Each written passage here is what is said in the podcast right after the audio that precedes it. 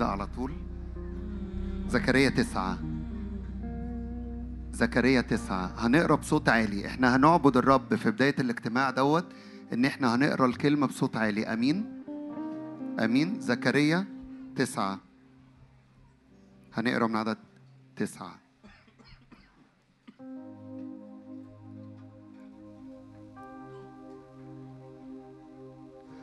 من طرق عبادة الرب إن إحنا نقرأ الكلمة. وننغم الكلمة ونسبح بالكلمة. فإيماني وإحنا بنقرأ الكلمات دي إحنا ابتدينا وقت عبادتنا وتسبيحنا. أمين؟ وعندي إيمان إن التسبيح والعبادة اللي خارج اللحظات اللي جاية دي هو ليه علاقة بإخضاع ال- الأرض لسلطان الرب. أمين؟ الأرض بتخضع بعبادتنا وتسبيحنا للرب. والنهاردة أول يوم في الشهر فإحنا عاوزين نخضع النهاردة والشهر كله اللي جاي لسلطان اسم الرب يسوع واستعلان نور وبهاء ومجد الرب اللي يستعلن على كل الأرض على مصر وعلى الوطن العربي وإلى أقصى الأرض. أمين. ف وانت رافع إيدك كده عظم الرب وبارك الرب. وإحنا بنقرا الكلمات دي مع بعض ارفع صوتك بصوت عالي وإحنا بنسبح الرب. زكريا تسعة نقرا من عدد تسعة. ابتهجي جدا يا ابنة صهيون. اهتفي يا بنت أورشليم. هوذا ملكك يأتي إليك. هو عادل ومنصور ووديع وراكب على حمار وعلى جحش ابن أدام ما زلت شاعر صوتنا هي محتاج يعلى شوية. أنا هنزل مايك خالص عشان أسمعكم أوكي؟ تيجوا نبدأ كمان مرة. ابتهجي جدا يا ابنة صهيون. اهتفي يا بنت أورشليم. هوذا ملكك يأتي إليك. هو عادل ومنصور ووديع وراكب على حمار وعلى جحش ابن أتان. وأقطع المركبة من إفرايم والفرس من أورشليم. وتقطع قوس الحرب. ويتكلم بالسلام للأمم. وسلطانه من البحر إلى البحر ومن النهر إلى أقاصي الأرض. وأنت أيضا فإني بدم عهدك قد أطلقت أسراك من الجب الذي ليس فيه ماء. ارجعوا إلى الحصن يا أسرى الرجاء. اليوم أيضا أصرح إني أرد عليك ضعفين لأني أوترت يهوذا لنفسي وملأت القوس إفرايم وأنهضت أبنائك يا صهيون على بنيك يا يوان وجعلتك كسيف جبار ويرى الرب فوقهم وسهمه يخرج كالبرق والسيد الرب ينفخ في البوق ويسير في زوابع الجنوب. رب الجنود يحامي عنهم فيأكلون ويدسون حجارة المقلاع ويشربون ويضجون كما من الخمر ويمتلئون كالمنضح وكزوايا المذبح ويخلصهم الرب إلههم في ذلك اليوم. قطيع شعبه بل كحجارة التاج مرفوعة على أرضه. ما أجوده وما أجمله؟ الحنطة تنمي الفتيان والمستار العذارى. فاكرين في راس السنة لأني أوترت يهوذا لنفسي وملأت القوس إفرايم. وأنهضت إيه؟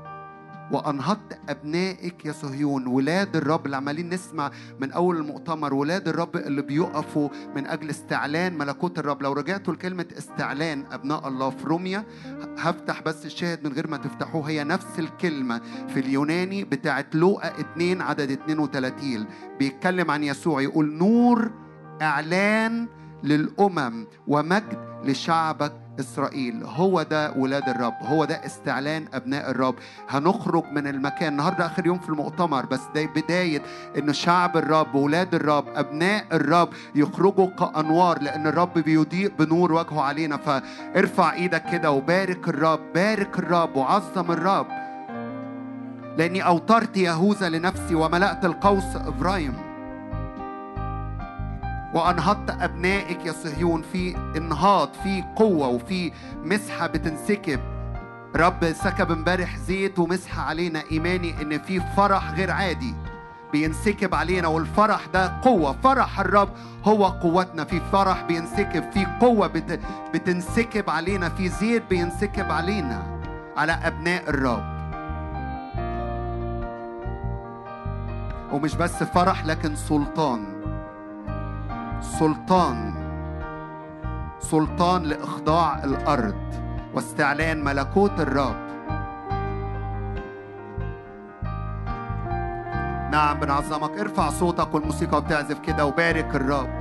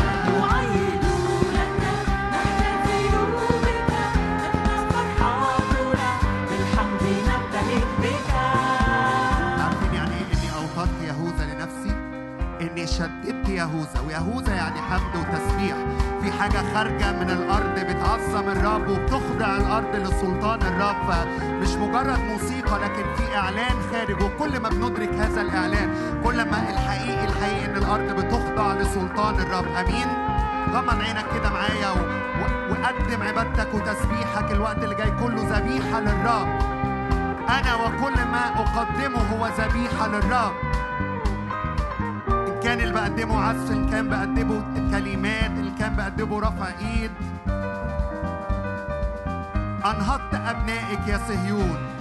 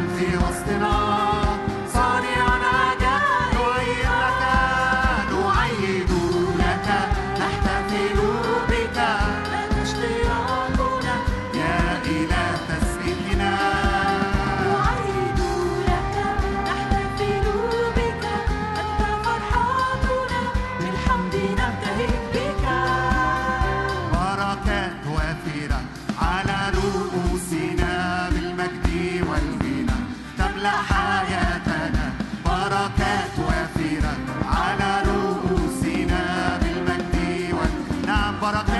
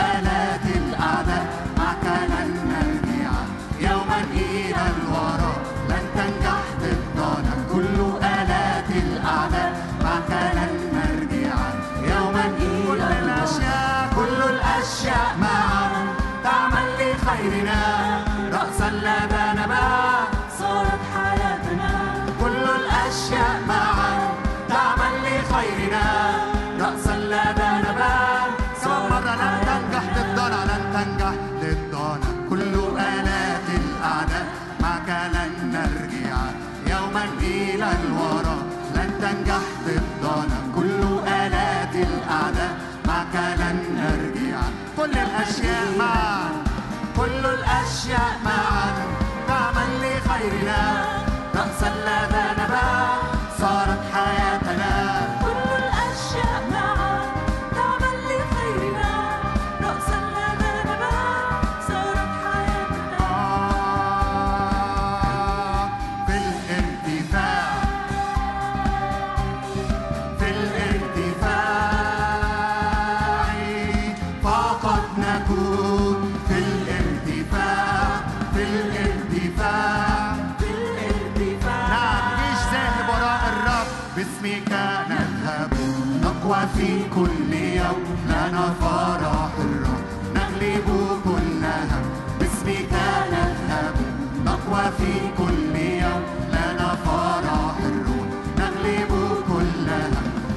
أشدت بك فأنت الأعظم أعداؤك يبنون وأنت تهدم نتشدد بك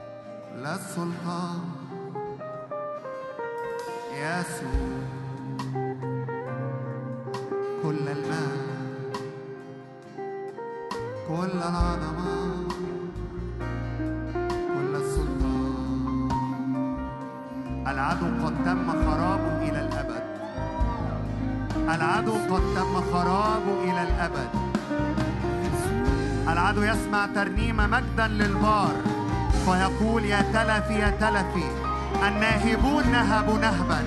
أبناء الله يتحركون لاستعلان النور والبهاء والمجد. استعلان يعني نور استعلان يعني تجلي.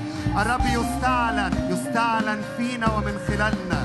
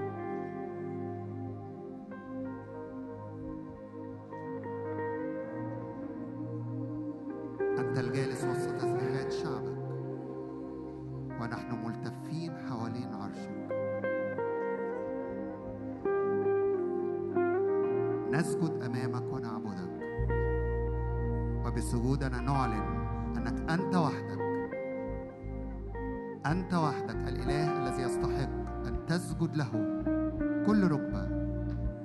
وأن يعترف باسمك كل لسان يسوع المسيح. هو الرب. هو الرب. هو الرب. بنعطيك كل المجد.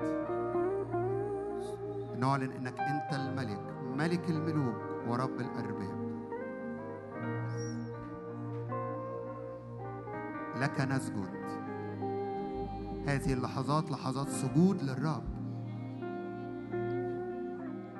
تقدر وانت واقف تحني راسك أو لو المكان مش مساعدك إنك تسجد خد وضع السجود في روحك وبأي طريقة تقدر تقدمها بجسدك بنسجد للرب في زينة مقدسة.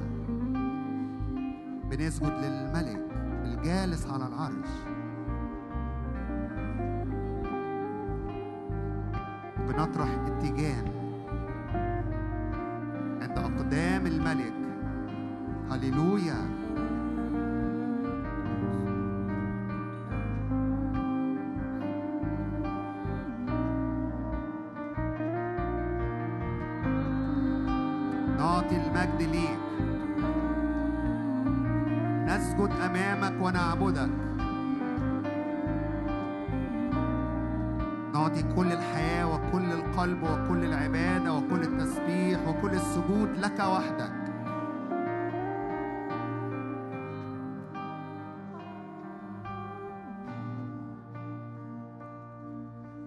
ليسوع كل القدرة ليسوع كل السلطان ليسوع كل البركة ليسوع كل الإكرام ليسوع كل القدرة ليسوع كل السلطان ليسوع كل البركة ليسوع كل الإكرام. للجالس على العرش. وللحمام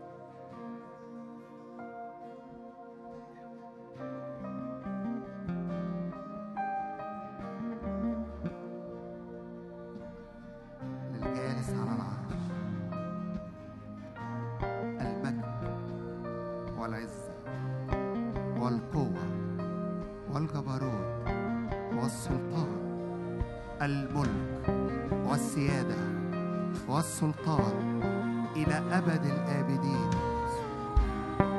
إلى أبد الآبدين. له الملك لك الملك لك العظمة لك الجبروت.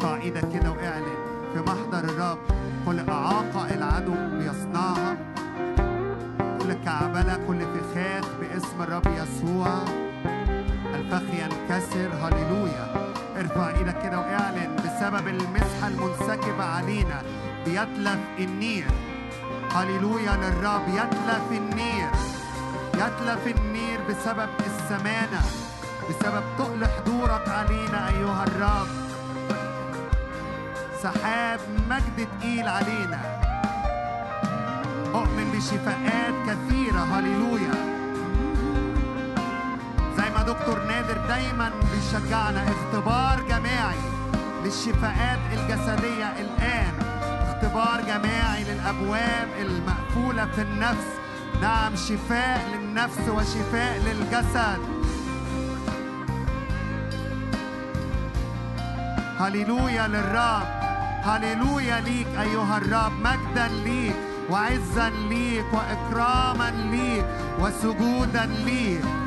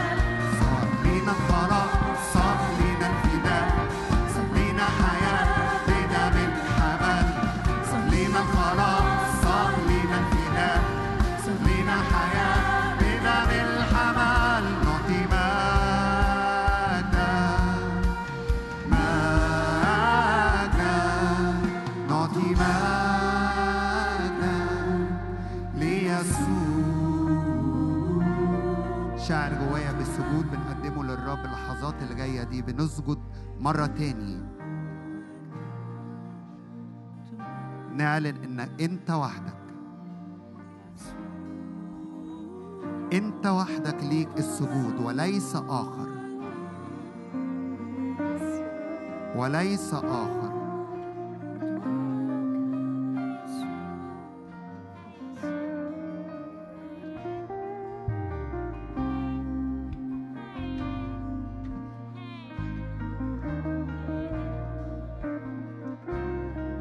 كما سجد دانيال بنسجد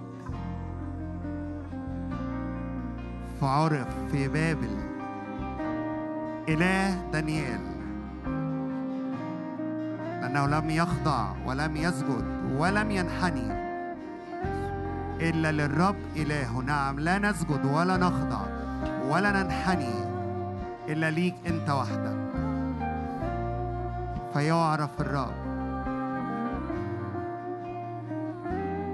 يعرف الرب في عبادتنا في سجودنا في هتافنا. أنوار أنوار أنوار تزداد. أنوار تزداد في الضلمة. نور إعلان للأمم. نور إعلان للأمم.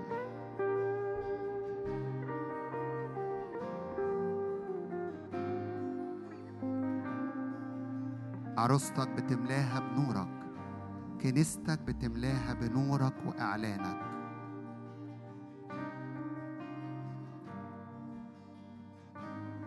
الحق والإعلان والنور بيسوع المسيح. قد صار قد صار.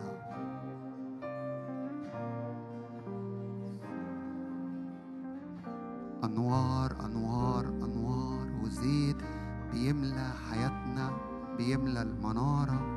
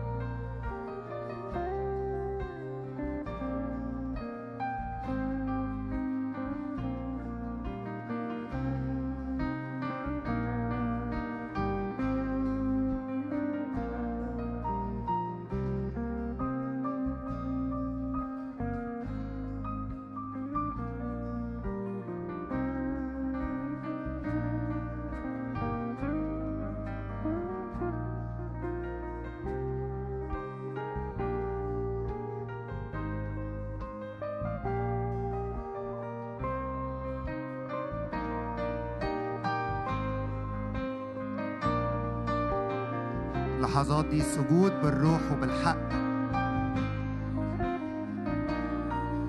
أين نسجد وأين نعبد؟ قال لها يسوع الساجدون الحقيقيون بالروح وبالحق. ينبغي أن يسجدوا. بنسجد بالروح وبالحق.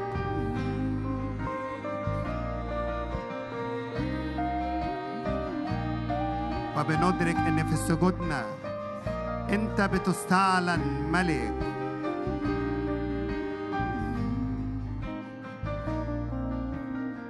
اعترف نبوخذ نصر إن إله شدرخ وميشخ وعبد الناغو هو الإله الحي.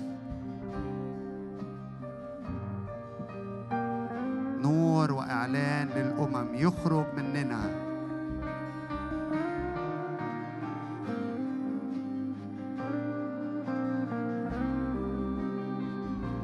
tuoi ostali.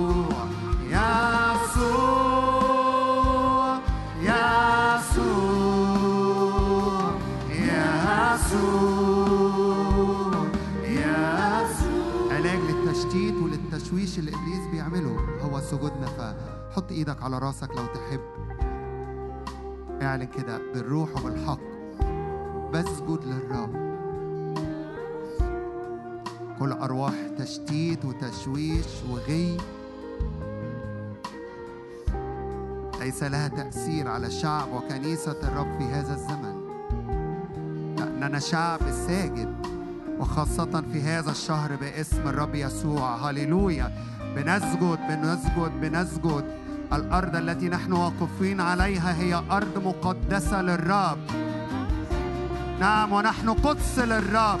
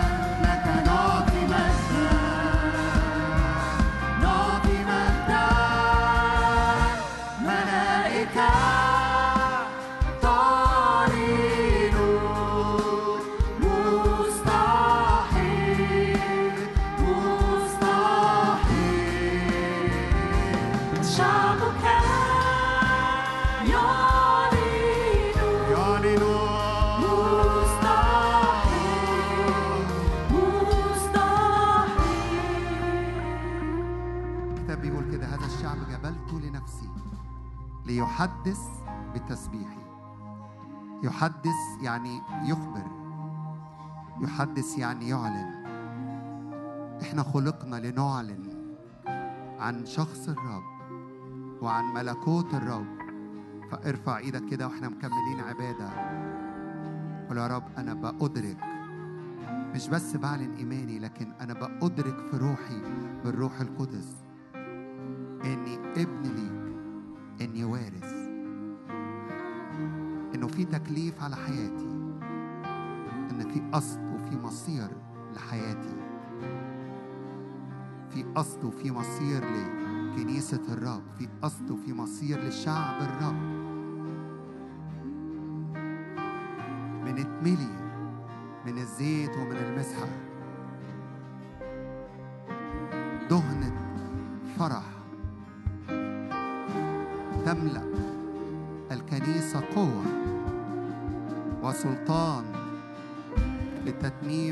مقاصد الرب وقوة آيات وعجائب. هللويا. وقوة آيات وعجائب. دي أقل حاجة هي الآيات والعجائب. لأنك أنت إله الآيات والعجائب بنعظمك هللويا.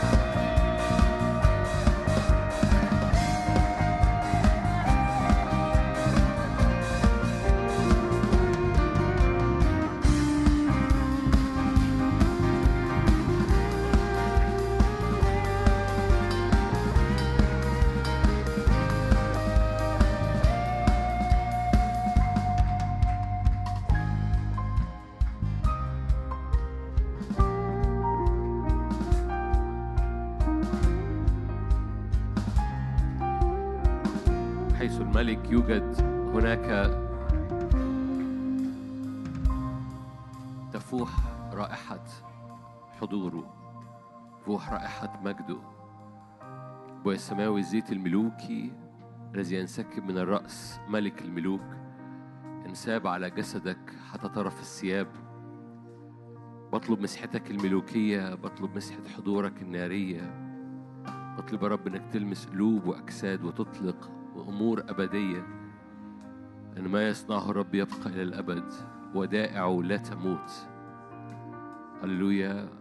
أمور العالم تفنى أما أنت تعمل في أمور لا تفنى. لا يضمحل قوتها لا تضمحل ولا تفنى. اشكرك ابويا السماوي من أجل هذه النيران التي لا تضمحل ولا تفنى. اشكرك من أجل هذا الزيت الذي لا ينقطع هللويا ولا يضمحل ولا يفنى. أشكرك من أجل التكليف والدعوة على حياة كل أبنائك التي لا تضمحل ولا تفنى. أشكرك من أجل المسحة والنعمة التي لا تضمحل أو تفنى. أبويا السماوي أنا بطلب مجدك يملأ. بطلب يا رب حضورك يملأ. بطلب نعمتك تملأ باسم الرب يسوع. يا روح الله فيض في هذا المكان يا روح الله املأ هذه الليلة املأ بمجد حضورك املأ بمسحتك باسم الرب يسوع. أشكرك. أنت تصنع أكثر جدا مما نطلب أو نفتكر بحسب غناك في المجد. أنت تصنع ببأس في اسم يسوع. ليك كل المجد.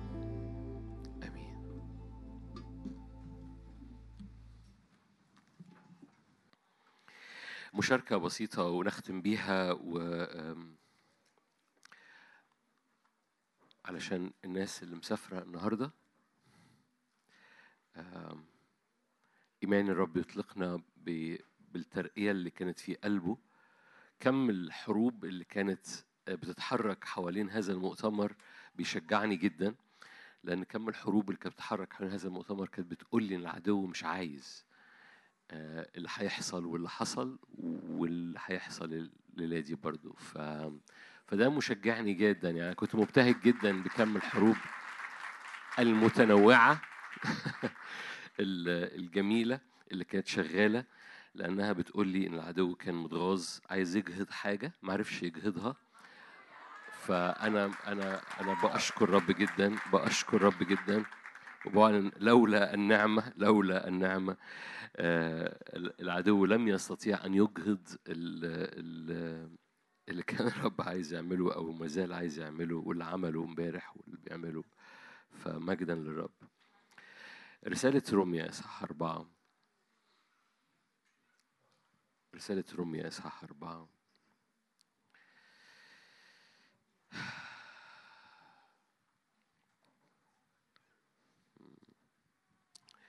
أقرأ آيات صغيرة ونصلي يعني أنا مش هنعمل مشاركة طويلة.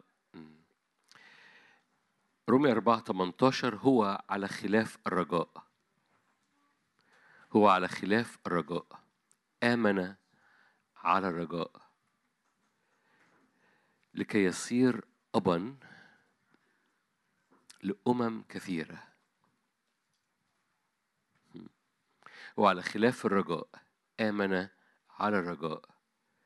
لكي يصير أبا لأمم كثيرة كما قيل هكذا يكون نسلك. آية عشرين ولا بعدم إيمان ارتاب في وعد الله بل تقوى بالإيمان معطيا مجدا لله. هراهم مرة تاني هو على خلاف الرجاء آمن على الرجاء لكي يصير أبا لأمم كثيرة. لا بعدم إيمان ارتاب في وعد الله بل تقوى بالإيمان. نروح لسفر التكوين. تكوين 17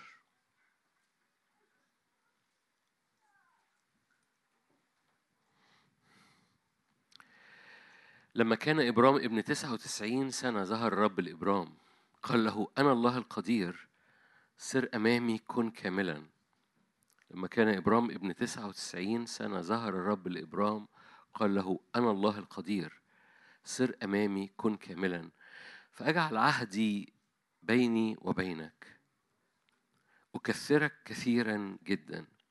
فسقط إبرام على وجهه وتكلم الله معه قائلا أما أنا هوذا عهدي معك تكون أبا لجمهور من الأمم فلا يدعى اسمك بعد إبرام بل يكون اسمك إبراهيم لأني أجعلك أبا لجمهور من الأمم. أمين. هذه الآيات من الآيات اللي بتحكي عن اللي إحنا حكينا فيه في الاجتماع اللي فات. لأنه لما إبرام بقى ابن بيتغير اسمه من إبرام إلى إبراهيم. إبراهيم هذا الابن اللي بيتغير اسمه يكون له صلاحيا يكون أب منه تتبارك جميع قبائل الأرض. أنتوا كنتوش حاضرين الصبحية أوكي. على خلاف الرجاء آمن على الرجاء. ليصير أب لأمم كثيرة. إبراهيم مشهور إنه أبو الإيمان هو آمن على خلاف الرجاء عشان من خلال الفتحة اللي فتحها إبراهيم في تتبارك أمم كثيرة لأن إحنا كلنا أبناء إبراهيم بالإيمان. الابن اللي اتغير اسمه لأنه ابن إعلان لن تكون بعد إبرام بل إبراهيم. هذا الإعلان لم يكن إعلان بساطة تغيير الاسم لكن تغيير الهوية لأن كل اسم بيطلق هوية. هذه الهوية كانت هوية اتحاد الله بالبشرية إبرام زائد إلهيم. اتحاد الله بالبشرية هو ده إعلان التجسد من الأول هو ده الإعلان النمرة واحد من إبرام عمره ما يعرف يخلف لكن إبراهيم هو الوحيد اللي ممكن يجيب إسحاق. بدونه لا أستطيع شيء لكن به أستطيع كل شيء. هذا الإعلان هو اللي على خلاف الرجاء آمن إبراهيم فصار أب. الأب عنده الصلاحية أنه يطلق الأسماء فمن خلال إبرام بقى في نسل أطلق عليه اسم يسوع. إحنا مش الدين الإبراهيمي. وإن كان من نسل إبراهيم. حد فاهم حاجة؟ لكن إحنا مسيحيين مش إبراهيميين. حد فاهم حاجة برضو؟ فمن خلال الإبن الإعلان اللي نور من الإبن أطلق اسم وأطلق نسل على خلاف الرجاء. أنا يعني دخلت في موضوع بس على خلاف الرجاء. آمن على الرجاء ليصير أبا. لأمم كثيرة. مش بس ده ده ده, ده اللضمة بمشاركة الصبحية لكن كل إعلان بيحصل جواك مربوط بإيمان بيولد جواك هذه الوديعة اللي بتقف فيها لأن الخليقة منتظرة. خلي بالك هو صار أبا لإيه؟ لأمم كثيرة. لأمم كثيرة. الوقفة اللي حضرتك بتوقفها كل مرة قدام الرب وبيطلق عليها مسؤولية أو بيطلق فيك وديعة هذه الوديعة لو تعاملت معاها على خلاف الرجاء لم ينظر إلى مماتية مستودع سارة ولا إلى مماتية جسده لكن نظر إلى الذي وعد. قال له اخرج من الخيمة تعال بص معايا عد النجوم عد الوعود إن استطعت أن تعدها هكذا يكون نسلك. على خلاف الرجاء آمن. آمن إيه؟ إن الوديعة اللي جواه تحول الاسم الاتحاد ما بين الله وهو إبرام زائد إلهيم اللي هو حضرتك بالمناسبة بسبب الإيمان روح القدس بقى فيك فحضرتك بقيت زائد إلهيم الساكن فيك. لو اسمك عادل بقى اسمك عادل إلهيم. إبراهيم. وهذا الاتحاد بقى بقى بيشتغل جواك من أجل مسؤولية الخليقة. لأن إبراهيم من أول يوم خلي بالك الوعد ده كان من أول يوم من قبل ما يبقى اسمه إبراهيم. وهو اسمه برام رب حط هذه الوديعة. لما دعاه من أور الكلدانين قال له فيك تتبارك طب ما أنتوا حلوين أهو. فيك تتبارك جميع قبائل الأرض. فهو من داي 1 من اليوم الأول التكليف عليه هو الخليقة. فيك تتبارك جميع قبائل الأرض. كما تشعر في نفسك هكذا أنت. فاكرين امبارح بالليل؟ فلو أنا شاعر في نفسي إن أنا ح- هوريك حالا. لو أنا شاعر في نفسي إنه م- أنا أنا الجراد زي ما حكينا أنا الجراد شعروا في أنفسهم كالجراد هكذا كانوا في أنفسهم. كنا في أعينهم هكذا كنا في أنفسنا.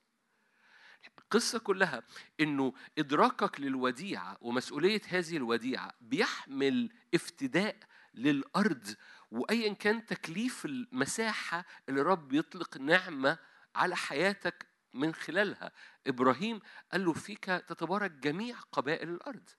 ليه؟ لأن ده أبو الإيمان ده على خلاف الرجاء آمن على الرجاء. فمن اليوم الأول من تكوين 12 إبرام الوديعة البذرة اللي موجودة جواه هي بذرة بذرة جميع قبائل الأرض. الخليقة منتظرة مثل هذا الابن. القصة المشهورة بتكوين 14 اللي كلكم عارفين أنا بحبها. تكوين 14 آية 17 أنا ما زلت في إبرام. خرج ملك سدوم لاستقبال إبرام. تكوين 14 17 خرج ملك سدوم لاستقبال لاستقباله دي لاستقبال إبرام. بعد رجوعه من كثرة كدر العمر والملوك الذين معه إلى عمق شوى الذي هو عمق الملك. ده مكان روحي أكثر ما هو مكان جسدي أو جغرافي. وملكي صادق ملك شليم أخرج خبزا وخمرا وكان كاهنا لله العلي. باركه وقال مبارك إبرام من الله العلي. مالك السماوات والأرض مبارك الله العلي الذي أسلم أعداءك في يدك. فأعطاه عشرا من كل شيء. قال ملك سدوم لإبرام أعطني النفوس. أما الأملاك فخذها لنفسك. قال إبرام لملك سدوم رفعت يدي إلى الرب الإله العلي مالك السماء والأرض.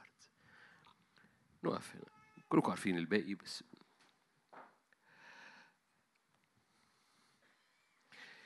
هذا المشهد هو مشهد الوديعة المحطوطة جوه إبرام اللي بتحصل عشان تولد هذا الإبراهيم. اللي بيقف فيها من أجل قبائل الأرض. إحنا في آخر الاجتماع فدايما في آخر الاجتماع بنحكي عن الصورة الأكبر من نفسينا. إبرام هو لسه إبرام ما جابش إبراهيم لأن بعديها حتى آه، إبرام قال له ماذا تعطيني وأنا ماضي عقيما؟ ده في الإصحاح اللي ورا ال 15 وإحنا في 14 فإبرام لسه لم يرى النسل. لكن إبرام بيقف لأن الوديعة عليه من تكوين 12 فيك تتبارك جميع قبائل الأرض. وإبرام بيتواجد لأن قلبه أمين في القليل في وديعة على حياتي فأنا أمين في القليل ولأنه أمين في القليل كان أمين على لوط فقام حارب من أجل لوط فخلص لوط من سدوم وعمورة. هتفاكر؟ لما خلص لوط لما خلص لوط خرج ملك سدوم عشان يقول له اديني النفوس خد الفلوس. ده ال- ال- المبادلة اللي العالم طول الوقت بيقولها لك. انشغل بأمور طبيعية بس ما تنشغلش بالأمم. انشغل بظروفك انشغل بمواجهاتك. الأملاك خدها لنفسك. ملك سدوم ما عندوش مشكلة. ملك سدوم هنا صورة للعالم. ملك سدوم ما عندوش مشكلة. خد خد اللي انت عايزه بس ما تنشغلش بالأمم. ما تنشغلش بالتكليف اللي على حياتك إنه إلى أقصى الأرض. انقل تخومك وصغر نفسك وقول كنا في أعيننا كالجراد. ما تبصش على الصورة الكبيرة بص على ظروفك وانحصر فيها. القصة كلها التحدي يا النفوس يا الظروف. يا النفوس يا الظروف. فلما حصلت المواجهة وإبرام كان أمين في القليل أمين على لوط. قال له أوكي خد الظروف إديني النفوس. حد واخد باله؟ إبرام وقف في المكان. بس خلي بالك في في الشخصية اللي أنا بحبها. ملكي صادق. إبرام في هذا المكان لأنه وقف أمين في القليل الترقية بسبب التكليف اللي على حياته لأنه فيه تتبارك جميع قبائل الأرض وهو على خلاف الرجاء آمن. بتحصل مقابلة لأنه أمين في القليل أمين في الواحد أمين في لوط. بتحصل هذه المقابلة مع ملكي صادق وهنا ملكي صادق ال- ال- التعبير المكرر عنه المحفوظ عنه زي ما يكون اسم أو كمالة اسمه كاهن الله العلي الإليون كاهن هذا الإله العلي. خلي بالك إحنا يمكن متعودين على هذا التعبير الله العلي الله العلي وتتقال في بعض الأحيان ما تتقالش في بعض الأحيان. بس خلي بالك إن ده اسم مركب ده اسم الرب الإليون يعني إيه هو الأعلى من أي اسم آخر. الإليون يعني الرب الأعلى. يعني يعني لو جاز التعبير كان في كهنة بتعبد آلهة بس ده كاهن الله العلي أنا بقول ده لو جاز التعبير. بس هو هو المعنى بتاع هذا الاسم الإليون الرب الأعلى من أي اسم آخر. فلو في كهنة كانت بتعبد آلهة ده ده اللي بيعبد الأعلى. مرة تاني اتقابل لأول مرة مع هذه الشخصية ودي أول مرة تذكر هذه الشخصية وما ذكرتش تاني في العهد القديم إلا في مزمور 110 وبعد كده تنط للعهد الجديد وتروح على العبرانيين اللي أنا بحبه بس خلي يعني خلينا نبص مرة تاني. آية 18 ملكي صادق ملك شاليم أخرج خبزا وخمرا مش هنخش في التفاصيل بتاعت دي وكان كاهنا لله العلي وباركه وقال مبارك إبرام من مين؟ من المكان اللي أنا واقف فيه أنا بباركك من المكان اللي أنا واقف فيه. مالك السماوات والأرض. مبارك الله العلي الذي أسلم أعدائك في يدك. دي ثالث مرة يقول الله إيه؟ الإليون أوكي. وزي ما يكون ملكي صادق ما بقاش في المشهد. يعني في عمق شوى في عمق الملك. جاء إبرام واقف قدام ملكي صادق كاهن الله العلي ملك ملك السلام. وجم هؤلاء الملوك بيساوموا إبرام على ظروفه أو النفوس.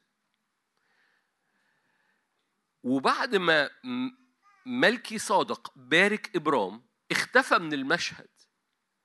ما تشوفوش تاني. وتجد الحديث والسيناريو بيتم ما بين ملك سدوم وإبرام وبيساوموا عن النفوس. فبعد ما باركوا في آية عشرين الفاتورة دي مشكلة خالص. بعد ما باركوا في آية عشرين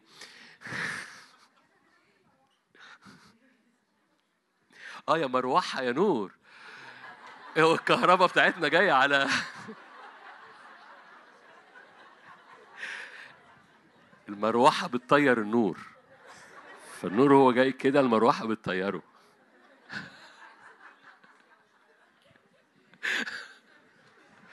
شفتوا التكنولوجيا؟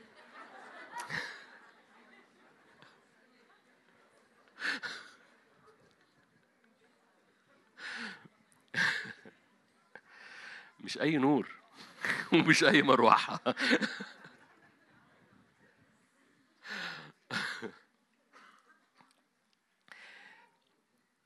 فبعد ما ملكي صادق بارك إبرام في آية 20 مبارك الله العلي الذي أسلم أعدائك في يدك يختفي ملكي صادق ما تلاقوش في المشهد خالص.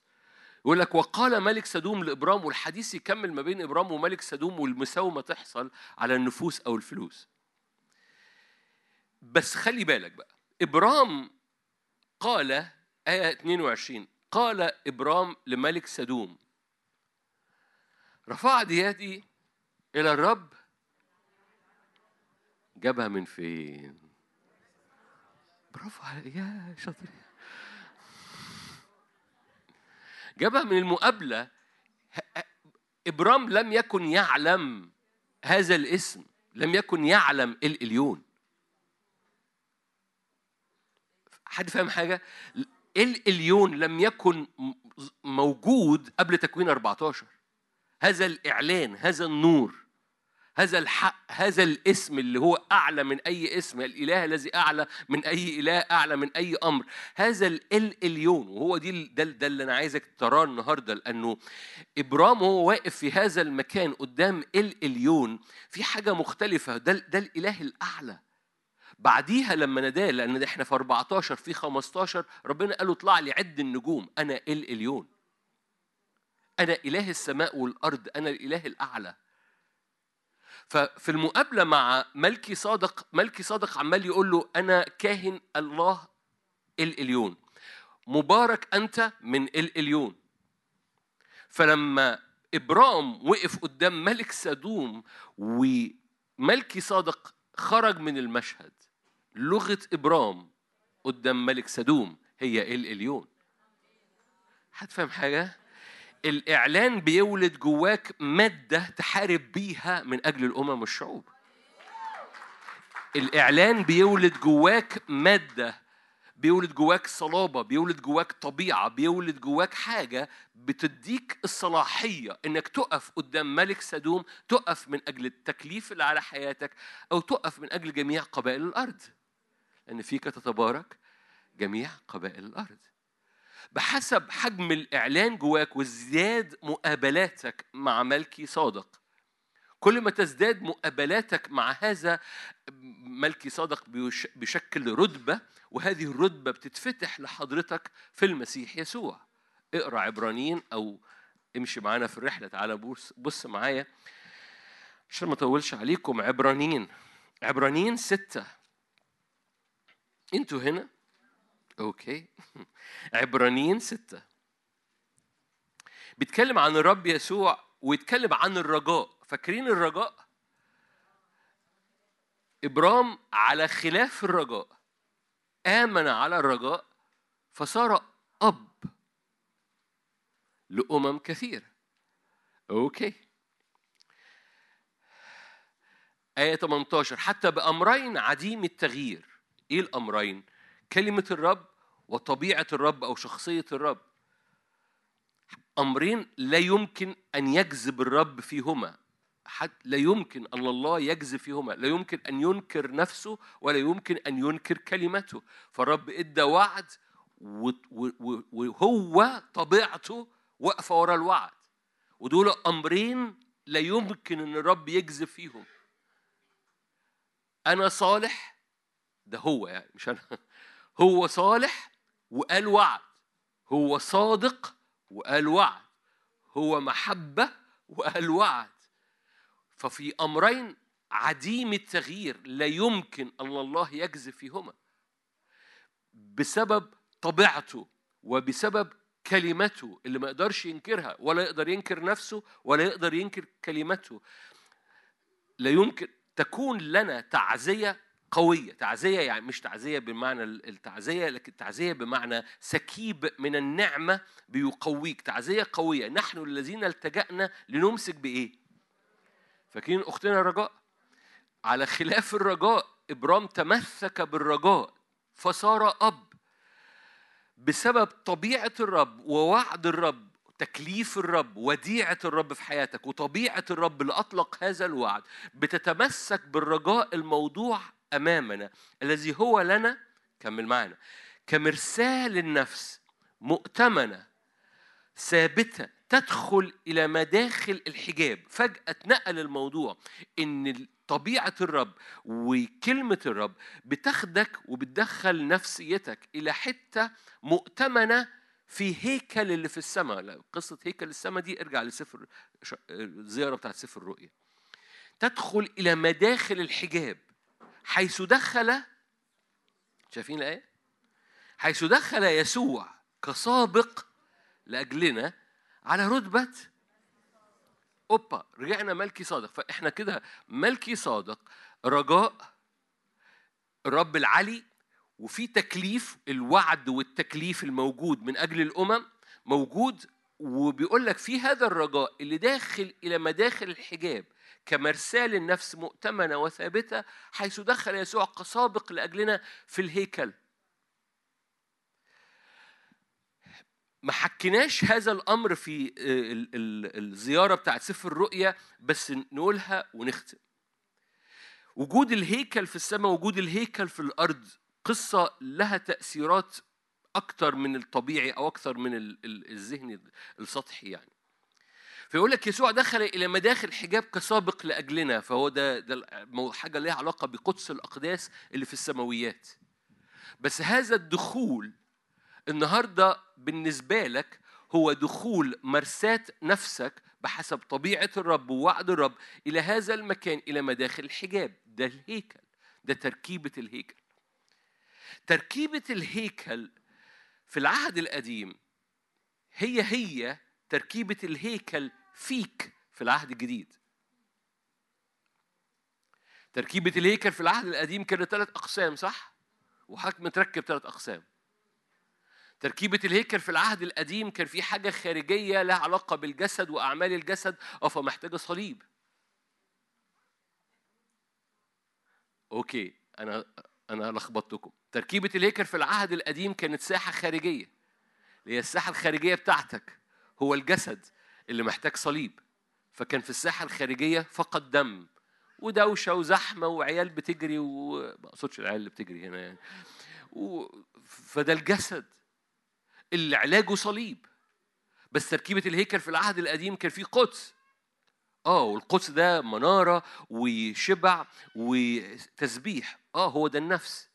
العلاج النفس اللي بيثبت النفس هو المنارة اللي عمالة بتشاور لك على يسوع طول الوقت ويقول لك املى نفسك بحمد وشكر وتسبيح. تركيبة الهيكل في العهد القديم كان فيه قدس أقداس. ده الحالة اللي في الروح ده اللي فيها حضور الرب الشكينة والحضور وجه الآب بيلمع اللي كان موسى بيخش ويتكلم مع الرب وجها لوجه لأن الرب كانوا يكلموا ما بين الكروبيم. دي التركيبة بتاعتك في العهد الجديد في قدس الأقداس في الروح القدس وجها لوجه أمام الله نحن جميعا ناظرين مجده بوجه مكشوف نتغير. عشان كده قال أنتم هيكل. أنتم هيكل. الله روح الله ساكن فيكم. القصة مش بس يعني مش ببساطة ال- العربي بتاعها أنتوا هيكل الله فيعني تعالى معايا للهيكل ونختم. تعالى معايا للهيكل ونختم الهيكل في العهد القديم وده موجود بقى يعني ده ده ده محتاج تدرسه بعمق. حكينا عنه في مرة فمش هلمس فيه كتير في مؤتمر عملناه كامل عن الهيكل. بس هلمس في آيتين صغيرين ونصلي لأن هذا المؤتمر عنوانه إن الخليقة منتظرة انتظار الخليقة. منتظرة إيه أبناء يفهموا إن هم على خلاف الرجاء يعني ظروف أو حياة في شخص دعاهم هذا الشخص شخصيته ووعده لا يمكن أن يكذب فيهما. وهذا الإله اسمه الإليون الأعلى العالي جدا. اللي دخل دخل بيك إلى هذا المكان في المسيح يسوع قدام هذا الإله العلي لكي تكون في هذه الرتبة بتاعت يسوع اللي هي رتبة ملكي صادق. عشان زي ما ملكي صادق كان بيبارك إبراهيم من الإليون بسبب يسوع المسيح هناك الإليون بيبارك حياتك ودعا حياتك عشان أنت تتدور للخليقة وتعلن الإليون أقولها مرة تاني ولا أقولها مرة تاني. إبرام سوري ملكي صادق وقف قدام إبرام. قال له أنا كاهن الإليون. الإليون يباركك مرتين. فتدور إبرام لملك سدوم وقال له الإليون. النهارده في رتبة يسوع رتبة ملكي صادق اللي دخل إلى قدس الأقداس. ودعاك إنك تخش لأن ده مرسال النفس مؤتمنة داخلها إلى مداخل حجاب حيث دخل يسوع كسابق لأجلنا. فبتخش إلى هذا المكان اللي فيه الإليون الرب. دعاك لأنك أنت من أبناء إبراهيم. حد هنا مش مدعو من الرب إن يكون بركة للأرض؟ أنتم ملح الأرض؟ أنتم نور للعالم؟ أوعى تكون ملك سدوم. قال لك لا لا لا لا, لا. العب معايا في في في المشاكل العب معايا في الظروف العب معايا في في الأحداث واديني النفوس. التحدي اللي أنجح إبرام إن لما إبرام وقف قدامه ملك سدوم وقال له خد الفلوس قال له thank you القصة دي مش مش مش هي القصة. الإليون اللي بيباركك في رتبة ملكي صادق هو بيباركك وبيسكب على حياتك أمور لما بتخش قدامه في قدس الأقداس عشان تدور للخليقة وتقول للخليقة الإليون زي ما إبرام اتدور لملك سدوم وقال له الإليون هتفهم حاجة؟ اصبروا علي اصبروا علي الهيكل أنا أنا هثبت لكم حاجة لأن قصة الهيكل دي مش قصة بسيطة. لما تقرأ التقليد اليهودي أو تقرأ ال ال ال الإدراك اليهودي كان في هياكل كتيرة موجودة في هذا الزمان لأن كان في آلهة كثيرة بتعبد في هذا الزمان. بس هيكل الرب عشان كده هيكل سليمان كان هيكل مميز ما بين باقي الهياكل. أنتم مدركين ان كلمة مركبة كاروبيم ده تعبير عن قدس الأقداس. داوود هو اللي قاله عن هيكل سليمان. وان الرب أعطى لداوود التركيبة بتاعة مركبة الكاروبيم. بالمناسبة دي آية البعض كان مركبة كروبين بتخطرفوا هو اتسمى داوود أطلق هذا الاسم في سفر أخبار الأيام إن الرب أعطاه بالكتابة بيده على قلب داوود. هذا التعبير اللي إحنا أطلقناه من أزمنة طويلة إن في حاجة اسمها مركبة القروبين ده قدس الأقداس في هيكل سليمان. حواريك قدس الأقداس في هيكل سليمان لأن قدس الأقداس تكنولوجيا في حد ذاتها. فكان في هياكل كثيرة آلهة كثيرة بس ولا هيكل منهم للإليون الإليون يعني الرب الإيه؟ عشان كده وقوفك في رتبة ملكي صادق أو إدراكك لرتبة ملكي صادق المختلفة عن كهنوت هارون. كهنوت ملكي صادق وهذه الرتبة بيحطك في مكان اللي هو أي حاجة تانية بتنحني قدام الإليون هذا التعبير وعشان كده بحب الترنيمة اللي قلت لكم تعالوا نرنمها امبارح هي يهوى قوتي ترنيمتي ليه؟ لأن فيها الاليون ليه؟ لأن هذا هذا الإعلان هذا التعريف الاليون هو مواجهة مربوطة بالأمم. ولما بنخش على الأزمنة اللي إحنا داخلين فيها الخليقة منتظرة الأبناء دول يعلنوا للخليقة الاليون لأن في هياكل كتير. بس هيكل سليمان كان تركيبته مختلفة وقدس أقداسه مركبة للكاروبيم تقول يعني إيه مركبة الكاروبيم؟ كاروبيم يعني الملائكة، okay؟ أوه. ثلاثة هنا بيقولوا أيوه القسم ده معترض؟ okay okay فقدس الأقداس عبارة عن مركبة بتحرك بيها ملائكة مركبة الكاروبين في التقليد اليهودي برضو وده مش موجود في الكتاب المقدس إن لما كان مجد الرب بيملى الهيكل لما كان مجد الرب بيملى هيكل سليمان كان في بتحصل حركة جوه قدس الأقداس لدرجة إن قدس الأقداس بيبقى زي المركبة ليه؟ لأن كان فيها هذه المركبات من الكاروبيم موجودة على حوائط قدس الأقداس بس مش بس على حائط قدس الأقداس كان في صور كروبيم على حائط قدس الأقداس في هيكل سليمان كان في صور كروبيم فعلا. التقليد اليهودي ممكن ما تقبلش ده إن لما كان مجد الرب بيملى الهيكل كان بيحصل حركة في الكروبيم الموجودين جوه قدس الأقداس. ممكن تقبل ده؟ ما تقبلوش مش مشكلة. لكن في حقيقة لازم تقبلها إن كان في كاروبيم على جدران قدس الأقداس. ليه أنا بقبلها برغم إنها في التقليد اليهودي مش في كتاب مقدس؟ إن الكتاب المقدس نفسه سماها مركبة يعني فيها حركة. فاللي بيخليني أقبل التقليد اليهودي في هذه القصة برغم إن مفيش آية تقول كده إن الكتاب المقدس سمى قدس الأقداس إنه في حركة في مركبة كروبين. بس لما تبص على الهيكل هنبص على حبة آيات في الملوك الثاني مثلا ستة تكتشف إن الجدران ما كانش فيها بس كروبين. ملوك التاني ستة.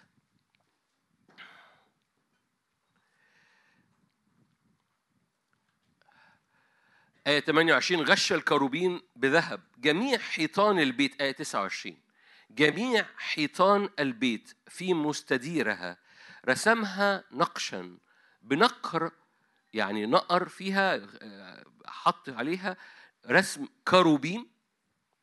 وإيه؟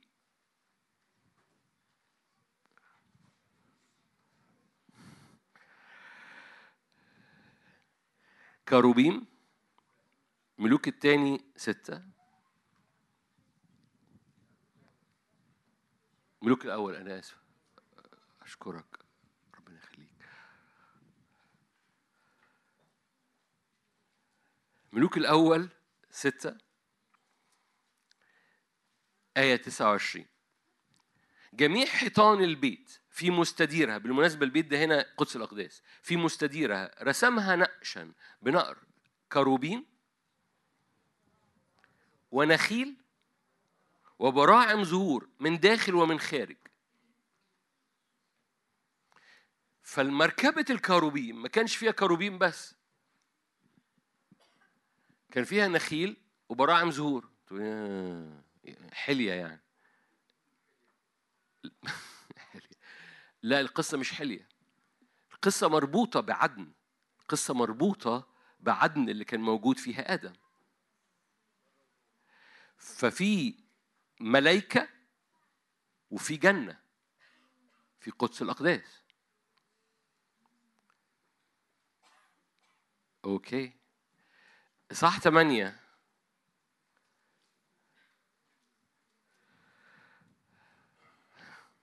إصحاح ثمانية بلاش ثمانية خليها سبعة. جايز الشاشة تطلع لو طلعت سبعة. ملوك الأول سبعة. ملوك الأول سبعة. نعمة نعمة نعمة. ملوك الأول سبعة.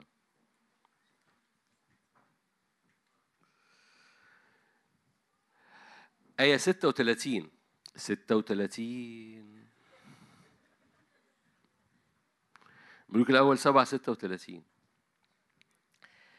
ناقش ألواح أيديها وعلى أتراسها كروبيم. okay؟ عارفين كروبيم يعني إيه؟ طب إيه بقى اللي وراها دي؟ أسود ونخيل. كسعة كل واحد وقلائد زهور مستديرة بصوا ببساطة عشان ما أطولش عليكم ما أقعدش كتير أنا okay. ببساطة الهيكل كان بيمثل الخليقة الهيكل كان بيمثل الخلائق. فالهيكل في السماء والأرض بيتقابلوا. السمائيين وال- والأمور الأرضية بتتحد مع بعض.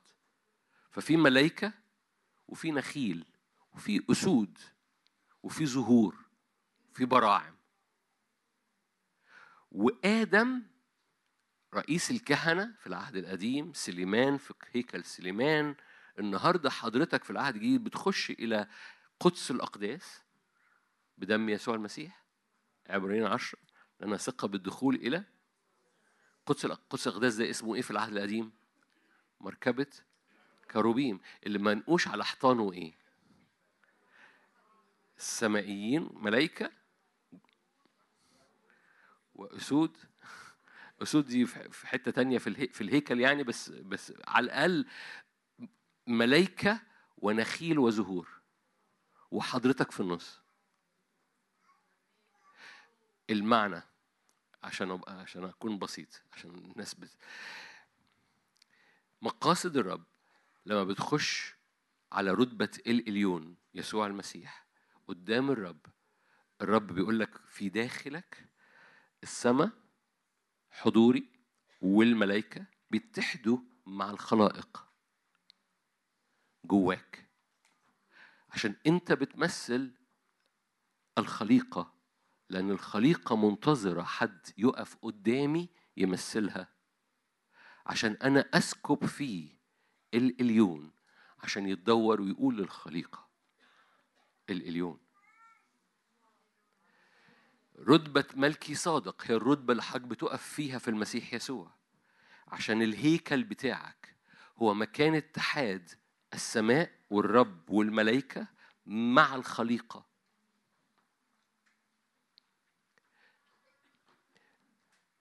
في بعض الأحيان ما بنفكرش. خليني أسألكم يمكن نفكر.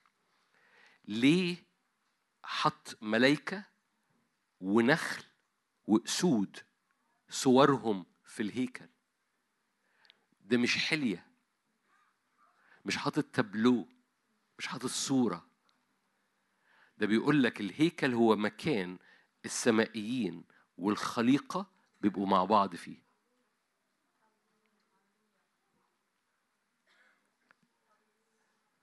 الهيكل هو المكان اللي فيه الرب الحاضر والملائكة والخلائق بيبقوا مع بعض.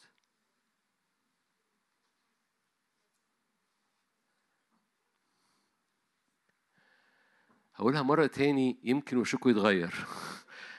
لأن شايف الفيلم بوز كده هو قدامي. هقولها مرة تاني. الهيكل الهيكل في تركيبته هو المكان اللي فيه السماء والأرض بيتقابلوا. جملة بس مش جملة روحية. حقيقي الهيكل تركيبته بتقول إن الرب حاضر الإليون لأن دي رتبة ملكي صادق اللي دخل إلى مداخل الحجاب إلى قدس الأقداس يسوع المسيح. ده في الهيكل.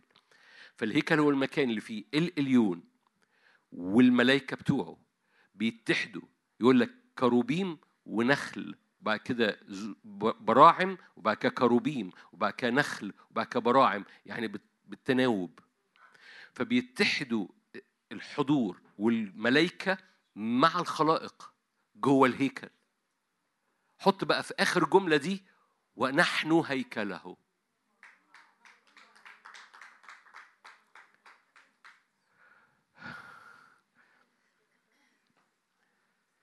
حضرتك لما بتقف في المسيح يسوع أنت بتقف على رتبة ملكي صادق. رتبة ملكي صادق ده كاهن الإليون في قدس الأقداس اللي أنت بتقف فيه قدام الرب أنت بتمثل الخليقة مش بتمثل نفسك. لأن جوه الهيكل تمثيل للخليقة.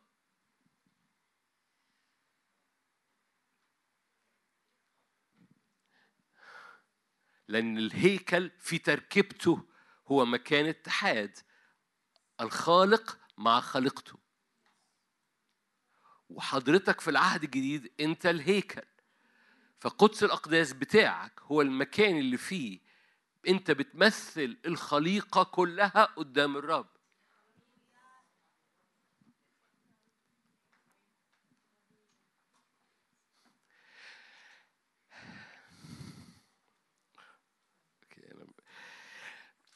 كل مرة بصوا ال ال ال ال هرجع لرومية 8 أوكي وهو اختم عشان أنتوا. رومية 8 هللويا. رومية 8 انتظار الخليقة. رومية 8 19 الآية اللي ابتدينا بيها نختم بيها. انتظار الخليقة. يتوقع استعلان أبناء الله. هو بيتوقع استعلان هؤلاء الأبناء لأن الأبناء دول هم اللي من خلال إدراكهم وقفتهم إن هم بيقفوا مش عن نفسيهم. اديني الفلوس خد النفوس. نو يا حبيبي أنا أصلا واقف بالخليقة كلها. أنا مش واقف بصوا جاء جا وقت إن الكنيسة مش بتقف من أجل نفسها أو تحت رجليها. إيه آخر أخبار الحرب في أوكرانيا؟ إيه اخر أخبار مشكله القمح؟ إيه اخر أخبار سعر الدولار؟ إيه اخر أخبار المشكلة اللي عندنا في الشغل؟ إيه اخر أخبار؟ حبيبي ال- القصة ومش بقولك الحاجات دي مش مهمة الحاجات دي مهمة جدا. مهمة جدا في بيتك مهمة جدا في ظروفك وفي شغلك. بس الحقيقة انت مش واقف محصور في دي. انت واقف مدرك ان الخليقة بما يشملها اقتصادك وبما يشملها أبوابك وبما يشملها شغلك وبما يشملها أولادك. بس الموضوع أكبر من كده. ده ده ده أنت واقف من أجل كل التكليف اللي الرب أعطاه ليك إنك تقف قدام الرب وتسبح الرب. بس وأنت بتسبحه أنت مدرك إنه أنت واقف بتمثل بالمناسبة كاهن يعني حد بيقف من أجل آخرين. فهو كاهن واقف قدام الله العلي عن إيه؟ عن الأشجار. ما أقصدش أنا بهزر معاكم. يعني عن كل حاجة جواه عن الخليقة جواه. ده هنا قالوا قالوا كروبيم أسود آه، براعم آه، آه، نخيل. ده إيه؟ ده ده عدن. ده حاطط عدن جواك وبيقول لك اقف مثل الخليقة بصورتها الأصلية قدام الرب اقف اطلق صوت الرب واطلب مراحم الرب واطلب افتداء الرب واقف اطلب لأن الخليقة منتظرة الأبناء اللي مدركين إن هم هيكل والهيكل بتاعهم بيمثل الخليقة اللي في عبودية فساد محتاجة يتحرك جواها حر مجد بحرية. عبودية الفساد رومية 8 إيه تريقها؟ إيه إيه إيه المضاد؟ إيه الأنتيدوت بتاع السم بتاع عبودية الفساد؟ حرية مجد أولاد الله. مجد جوه أولاد الله بيتحرك بحرية. فإيه الأنتيدوت؟ إيه المضاد؟ إيه المصل؟ لو أنت عايز إيه اللي بيعالج عبودية الفساد؟ هو مجد عمال بيتحرك جواك بحرية. ده جاي من فين؟ ده مركبة مركبة اسمها مركبة الكاروبيم. ده مجد بيتحرك بحرية ده مركبة الكاروبيم. طب مركبة الكاروبيم ده عبارة عن إيه؟ آه عبارة عن سمائيين وخليقة سمائيين وخليقة. يعني إيه سمائيين وخليقة؟ لو نسيته يعني كروبيم ونخل وزهور. كروبيم ونخل وزهور. الاسود دي في حتة تانية جوه الهيكل بس يعني عشان أكون دقيق يعني جوه مركبة الكروبيم كانوا كانوا كروبيم ونخل وزهور فاللي أنا عايز أقوله ببساطة أو ال- ال- المعنى ال- اللي جوايا أو اللي منور جوايا ببساطة إنه في في حاجة حقيقية موجودة جواك جاء وقت إنها إنك تدركها وتستعلن فيك وتقف بيها قدام الرب ولما تتدور من هذا المؤتمر وتخرج وترجع لظروفك ولبلدك وال... انت جاي من فين؟ انت جاي من ال اليون. عشان كده لما تدور لملك سدوم بتاعك بتتكلم بسلطان ال اليون. ال اليون ده بيعلن إيه؟ بيعلن إن الخليقة كلها القصة بقى مش فلوس ونفوس الق- القصة إن الخليقة كلها تخضع لهذا الإله اللي أنت جاي من قدامه. وبالتالي أبوابك ظروفك نفوس اللي حواليك. بصوا القصة القصة في الآخر إن إبليس بيحاول يقوم مشغلك في حبة حاجات ويلهيك عن النفوس.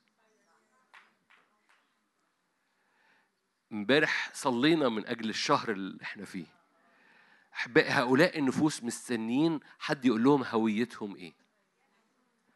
مس- مستنيين حد يطلق هويتهم اللي بتطلق بنوتهم الحقيقية. هم عندهم مشاكل مع الآب.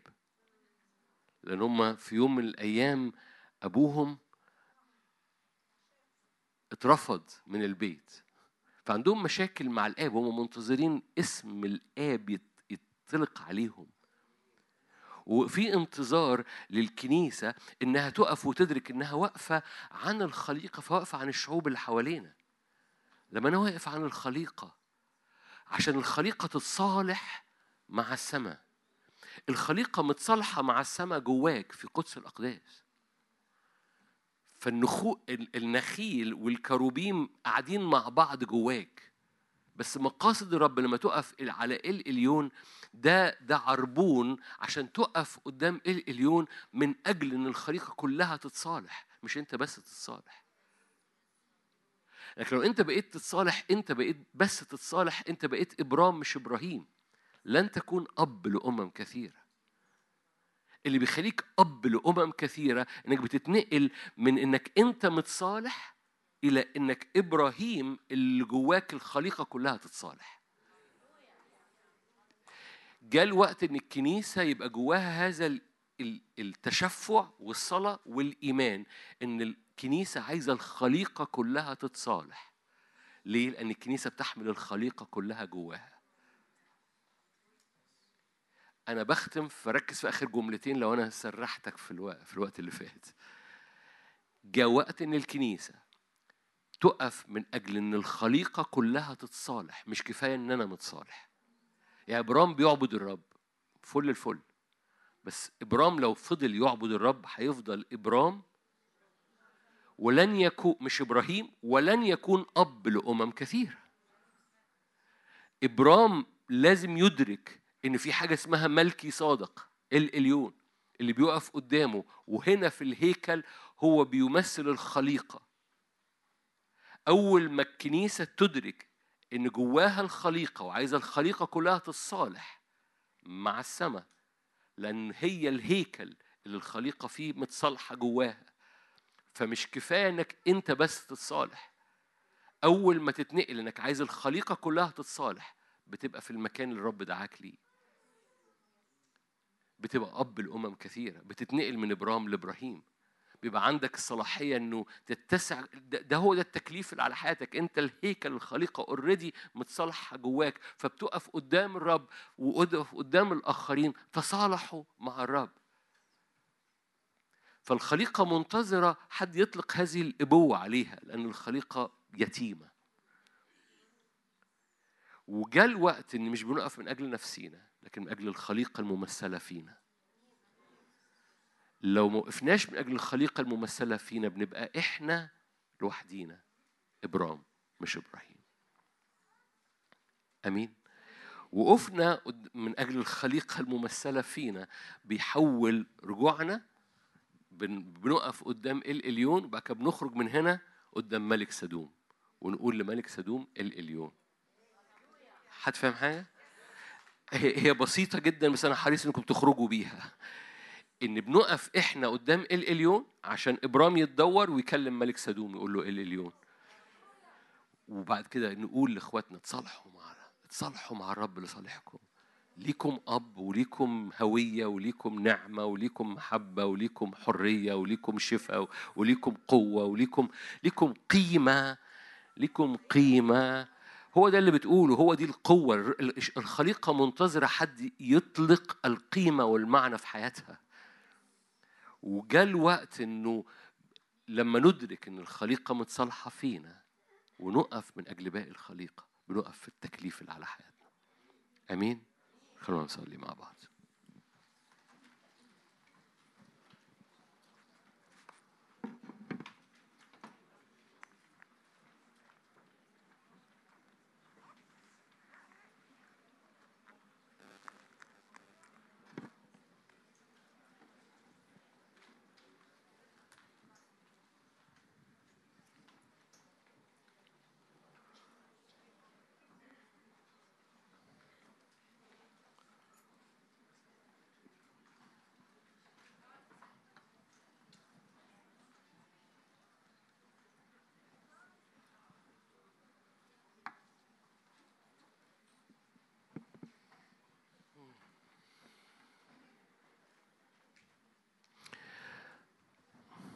أنتم هيكل الله روح الله ساكن فيكم.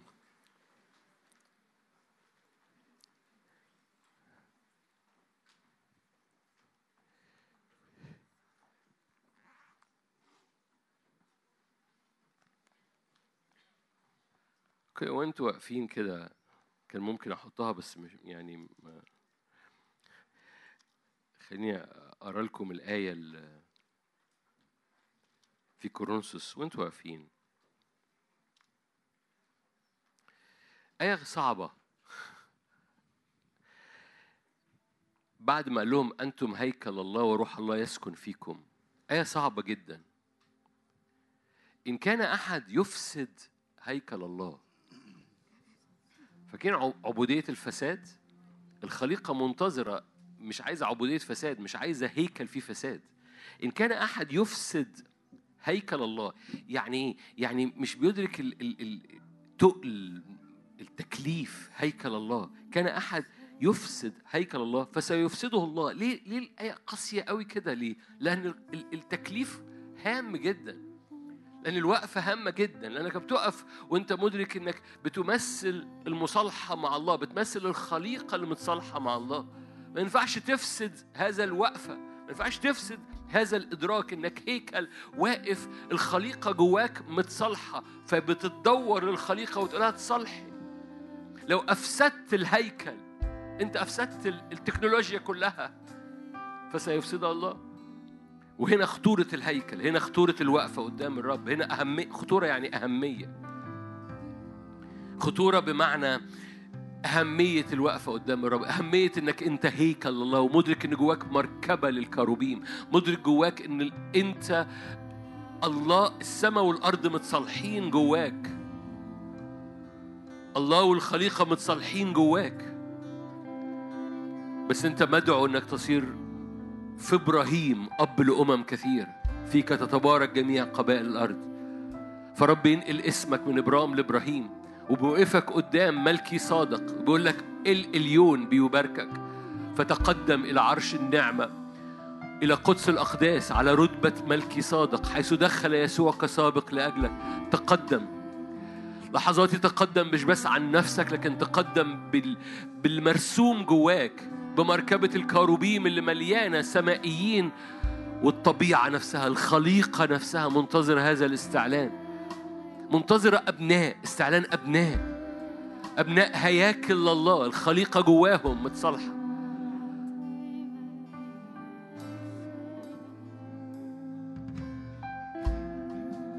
ارفع إيدك معايا لو سمحت. مش هنقضي وقت طويل نصلي إحنا بنختم ها أنا ذا. قول له ها أنا ذا. مش بس أنا ذا والأولاد والأولاد دول مش بس أولاد جسديين والأولاد الذي أنت تعطيهم ليا. لأن مفيش حد هنا على مستوى روحي الرب مش عايزه يبقى عنده أولاد في الروح. ها أنا ذا والأولاد اللي أنت هتديهمني. الأمم اللي أنت هتديهاني لأن هقف بيها قدامك.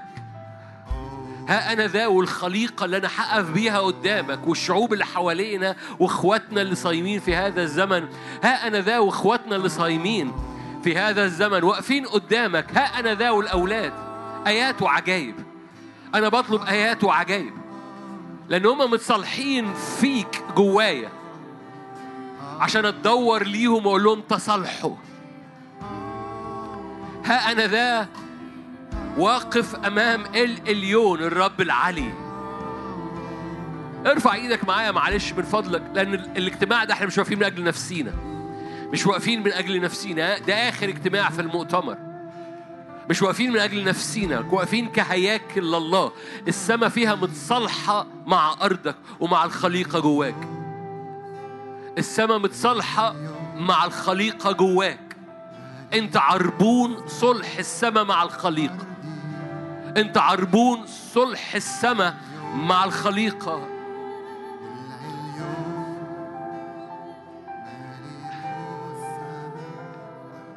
لا تكن كالجراد في عيني نفسك. انت عربون صلح السماء مع الخليقة. مش انت مخلوق والرب متصالح معاك. انت عربون صلح السماء مع الخليقة. قدس الأقداس اللي فيك في في خليقة في أشجار وأسود وكائنات مرسومة على جدرانك ليه؟ لأنك بتمثل الخليقة جوه الهيكل بتاعك قدام السماء. أنت عربون مصالحة السماء مع الخليقة. فأنت مش واقف من أجل نفسك الاجتماع ده. باسم يسوع. ها أنا ذا يا رب. والأولاد الروحيين اللي أنت هتديهمني التشفعات اللي أنت هتخليني أتمخض بيها من أجل ولادة أمم وشعوب. ها أنا ذا يا رب والأولاد اللي أنت بتوقفني بيهم قدامك بالخلائق اللي بتوقفني قدام.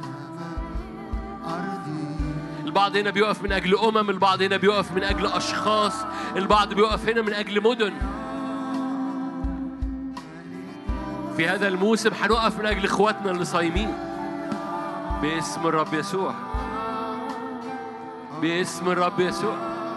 هللويا هللويا هللويا. هللويا. إحنا عربون مصالحة السماء مع الأرض. إحنا بنقف قدام الرب الأعلى الرب العلي الإليون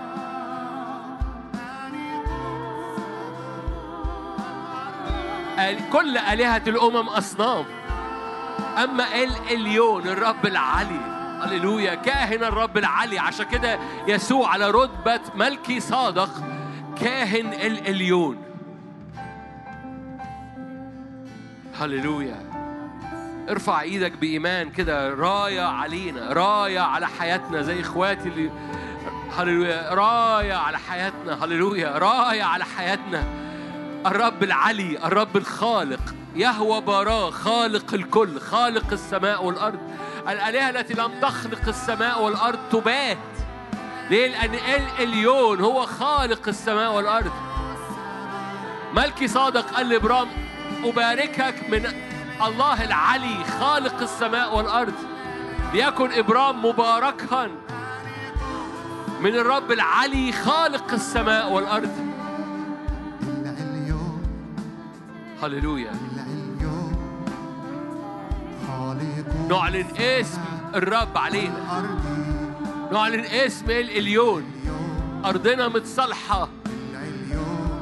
عربون مصالحة السماء مع الأرض. عربون مصالحة السماء مع نفوس كثيرة مع أمم كثيرة.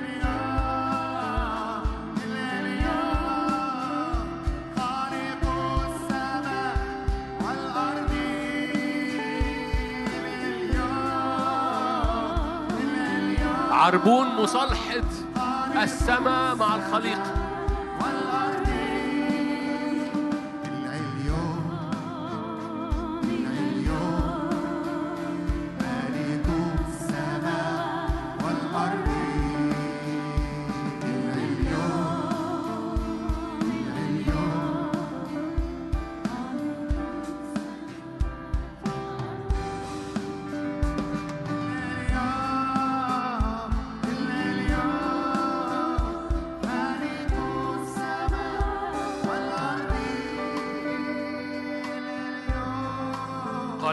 مبارك إبرام من الله العلي الإليون مالك السماء والأرض.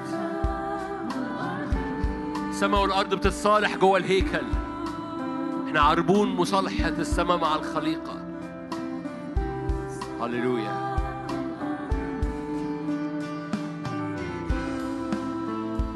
مش واقفين من أجل نفسينا.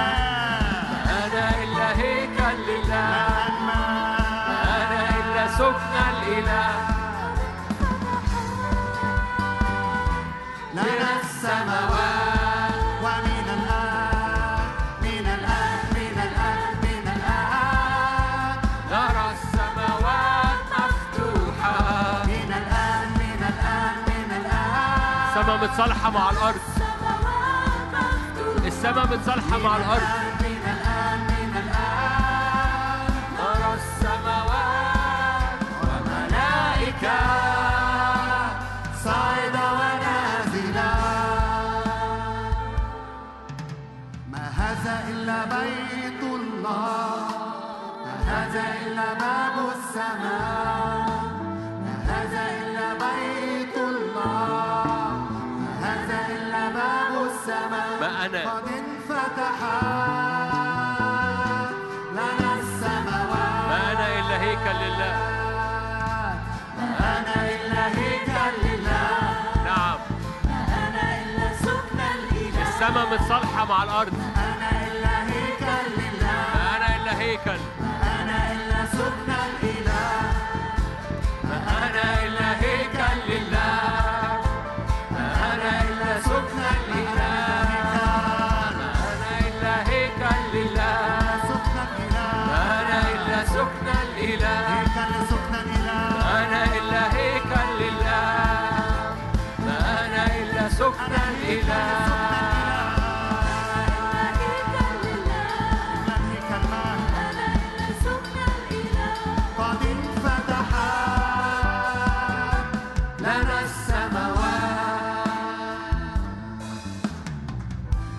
السماء مصالحة مع الأرض. وحط إيدك على قلبك قول وأنا عربون مصالحة السماء مع الأرض لأن أنا هيكل. مرة كمان السماء متصالحة مع الأرض. وحضرتك وحضرتك وإحنا عربون مصالحة السماء مع الأرض. بنقف عن الأرض.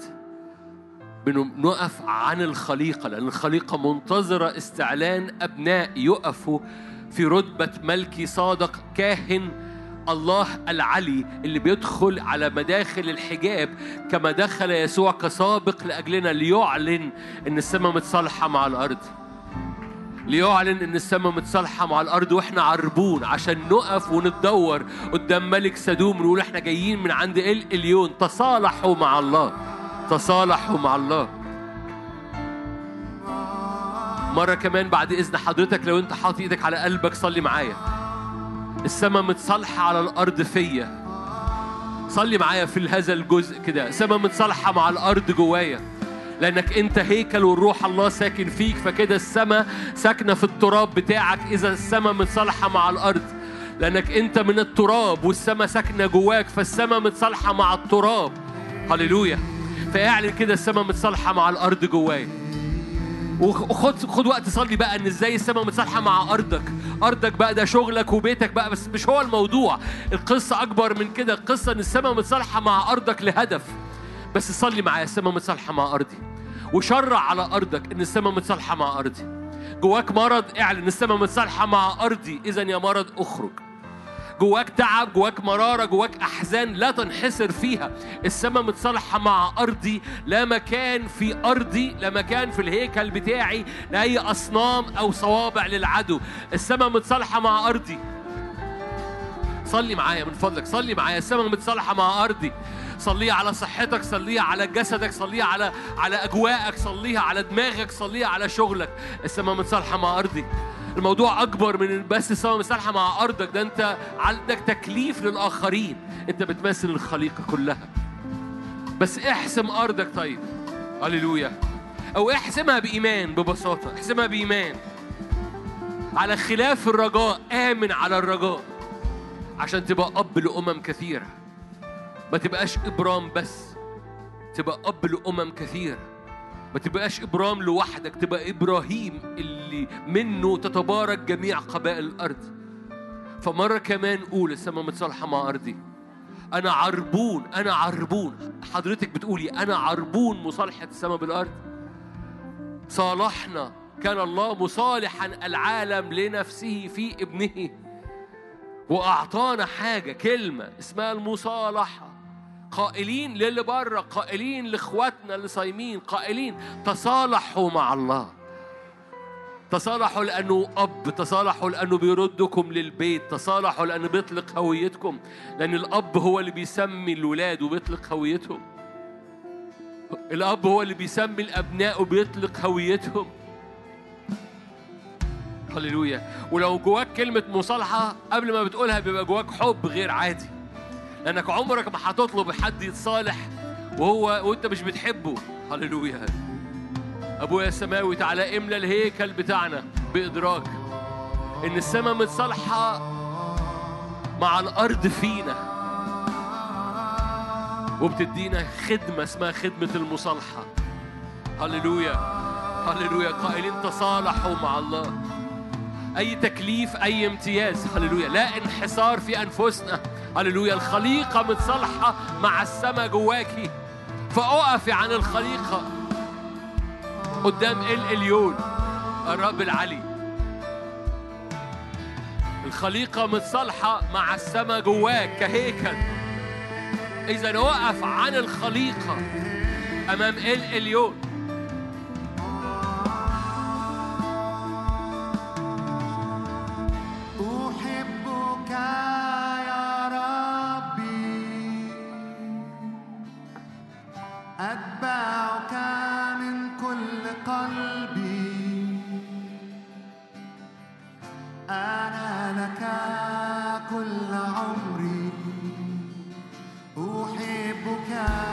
تقل إني ولد.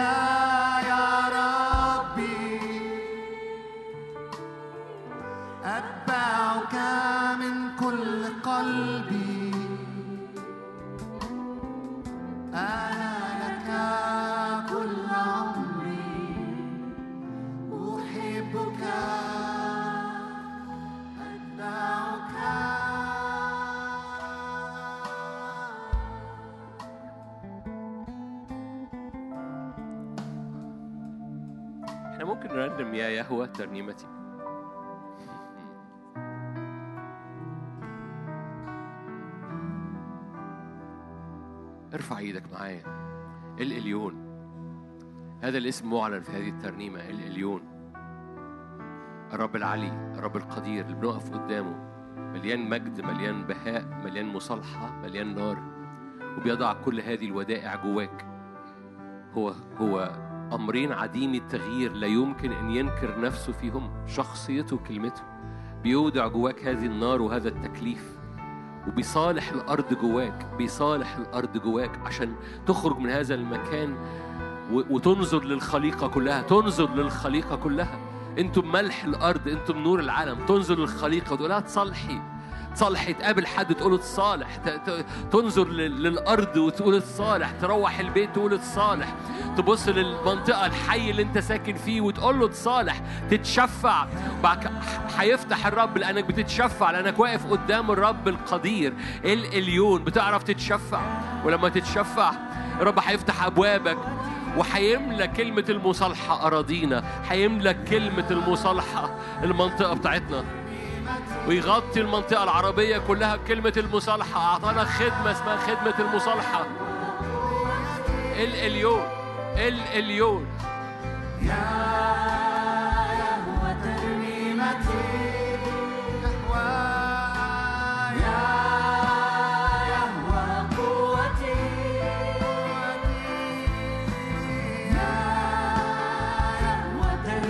ملك الملوك.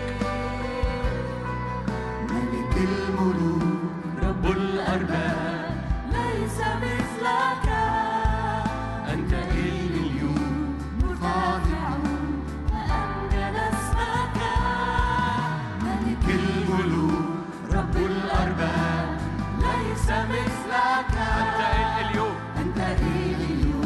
مرتفع ليس. ملك الملوك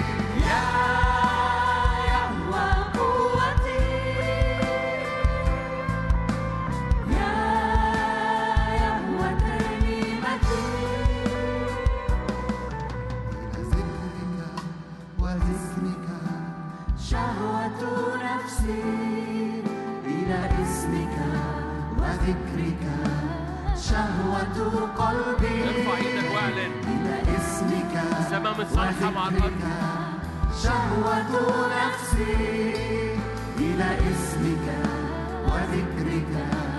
شهوة قلبي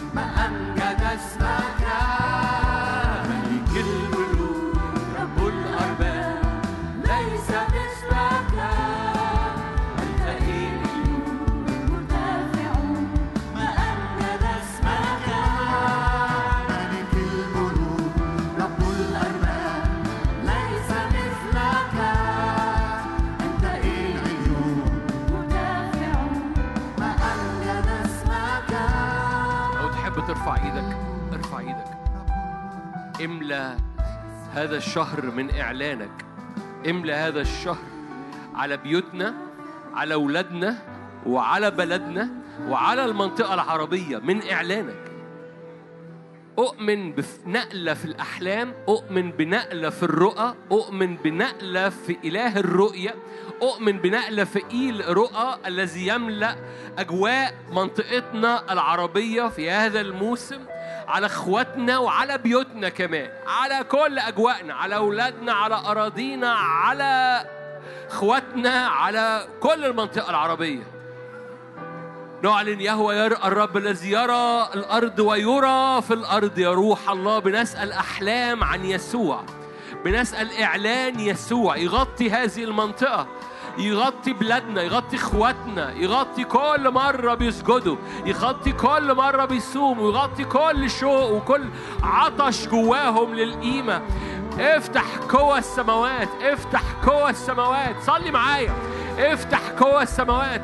لهذا إحنا موجودين على الأرض. افتح قوى السماوات وبارك. أمطار إعلانك أمطار بركتك ليكن هللويا ندى حضورك وندى إعلانك بيملأ أراضينا. ندي ندي ندي ندي في الفجر إعلانك. ندي في الفجر إعلانك. ليكن إعلان يسوع. إعلان الفدا وإعلان الصليب وإعلان الدم وإعلان المصالحة. يملأ يملأ الأجواء باسم الرب يسوع. صلي معايا وارفع إيدك. اطلب أحلام أحلام أحلام أحلام الرب يسوع. تغطي تغطي البيوت تغطي المناطق تغطي البلاد. ما تصليش بس من أجل مصر صلي من أجل مصر صلي من أجل لبنان صلي من أجل الجزائر صلي من أجل السودان صلي من أجل المنطقة العربية وكل بلد تشغلك بيها روح الله. هللويا. قائلين تصالحوا. أحبائي بص على الخليقة وقلت صالحي بص على الخريطة العربية وأطلق كلمة مصالحة الآن تشفع. الإليون يصالحكم. الإليون في المسيح يسوع. السمك الصالح مع الأرض.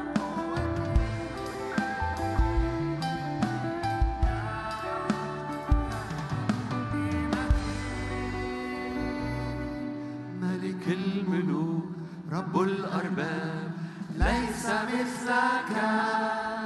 أنت العيون مرتفع ما أمجد اسمك. ملك الملوك رب الأرباب ليس مثلك. أنت العيون مرتفع ما أمجد اسمك. ملك الملوك رب الأرباب.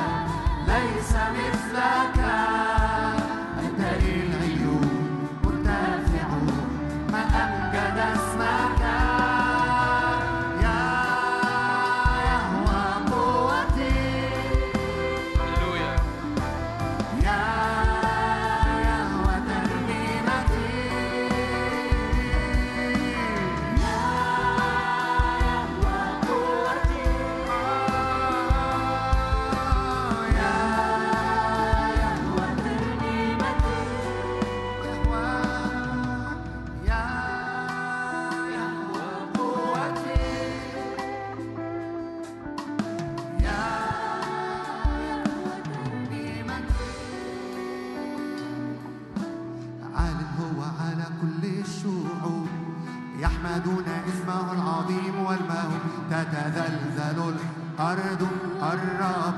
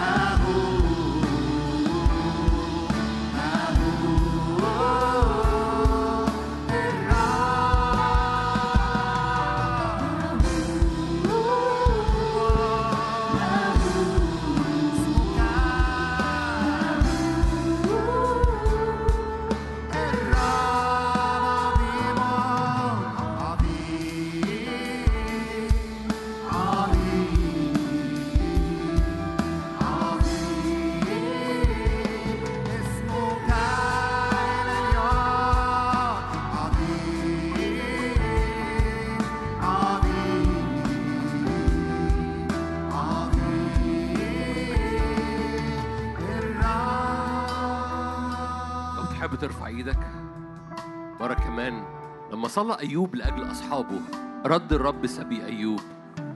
لو أنت مش عارف تلقط إنك تقف من أجل الخليقة أو من أجل إخواتنا ليكن ده حافز ليك. لو وقفت من أجل الآخر الرب يرد سبيك أنت. لما بتترجم حلم الآخر الرب يترجم حلمك أنت. حلم يوسف اترجم لما ترجم حلم الساقي والخباز. يوسف اترقى لما ترجم حلم الآخرين. الرب رد سبي أيوب لما أيوب صلى لأصحابه. فمرة كمان ليكن ده حافز ليك. ارفع إيدك معايا وصلي معايا من أجل إخواتنا. يا رب مجدك ونورك يملى الأرض فعلا. مجدك ونورك. أمطار رحمة أمطار افتداء. يا رب صالح الأرض. لأنك أنت صالحت. السماء صالحت الأرض فيا. فصالح الأرض وصالح أرض إخواتي اللي حواليا. مع السماء. أعطانا خدمة المصالحة. هللويا.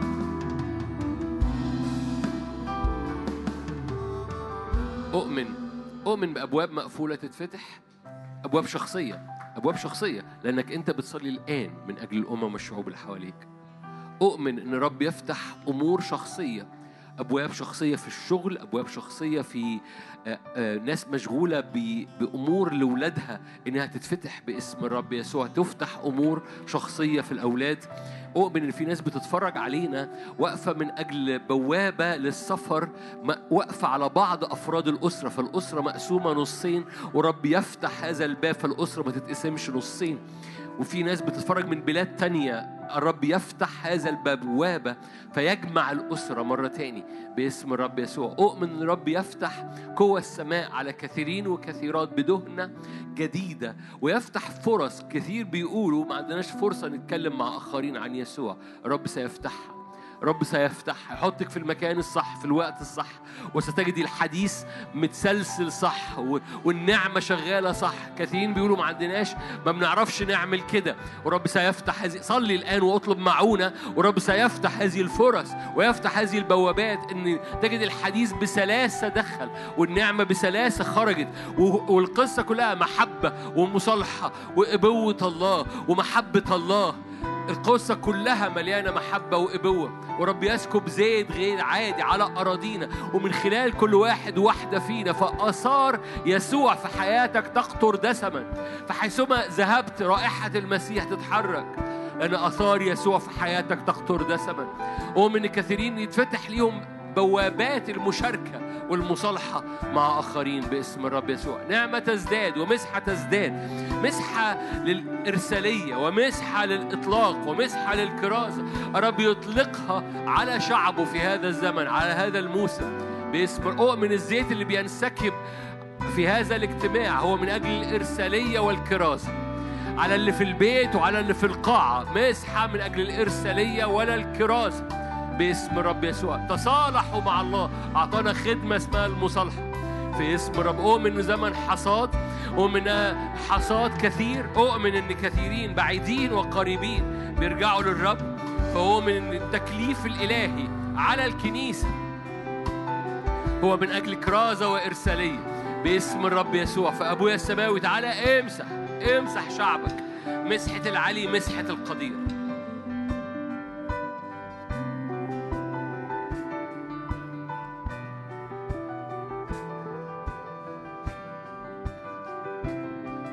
أنا مستني الترنيمة. عايشين بالنار والحب لاسمك عايشين هللويا. أحرار كسرت كل قيد أحرار.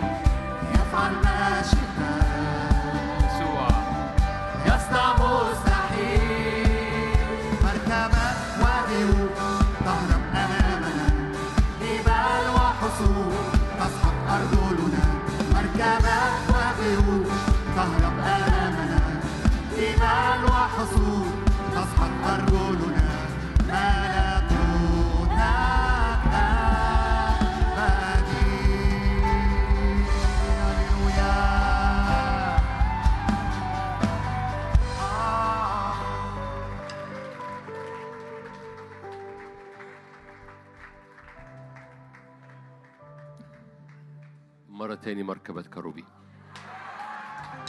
مرة تاني مركبة كروبيم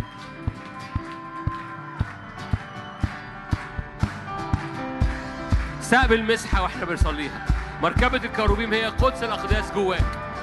مركبة الكروبيم هو إنسان الروح اللي جواك. هو الحركة اللي أنت هتتحرك بيها. هي القوة اللي هتتحرك بيها. أنت مركبة الكروبيم مركبة الكروبيم ده قدس الأقداس اللي جواك. فاعلنها بإيمان واستقبل مسحة. في مسحة في إرسالية في تكليف في كرازة في مركبة الكروبيم هي جواك. مركبة كروبيم هللويا. مركبة نار منظر جيش عظيم. مصطفى للقتال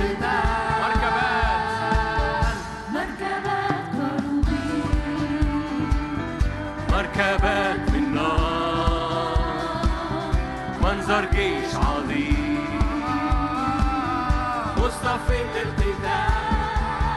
على الأسد على الصلب تضع أقدامنا الثعبان على الشبل تلبس أقدامنا على الأسد على الصلب تضع أقدامنا الثعبان على الشبل تلبس أقدامنا أزمنة حصاد كثير. مركبات مركبات إنسان الروح.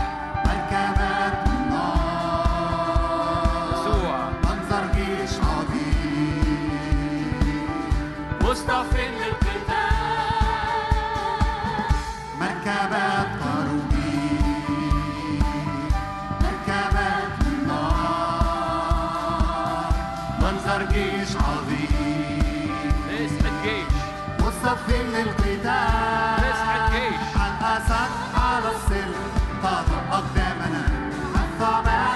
الثعبان على الشبل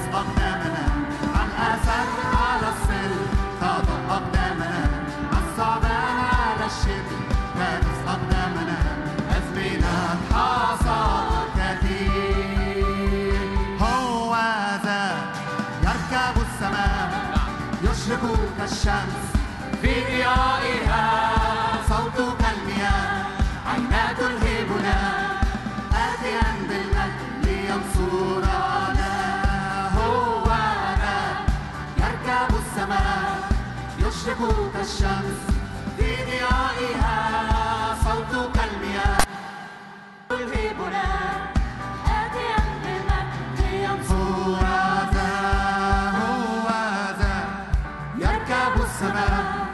يشرق كالشمس في ضيائها صوت كالمياه عينا تلهبنا؟ آتيا بالمجد لينصرنا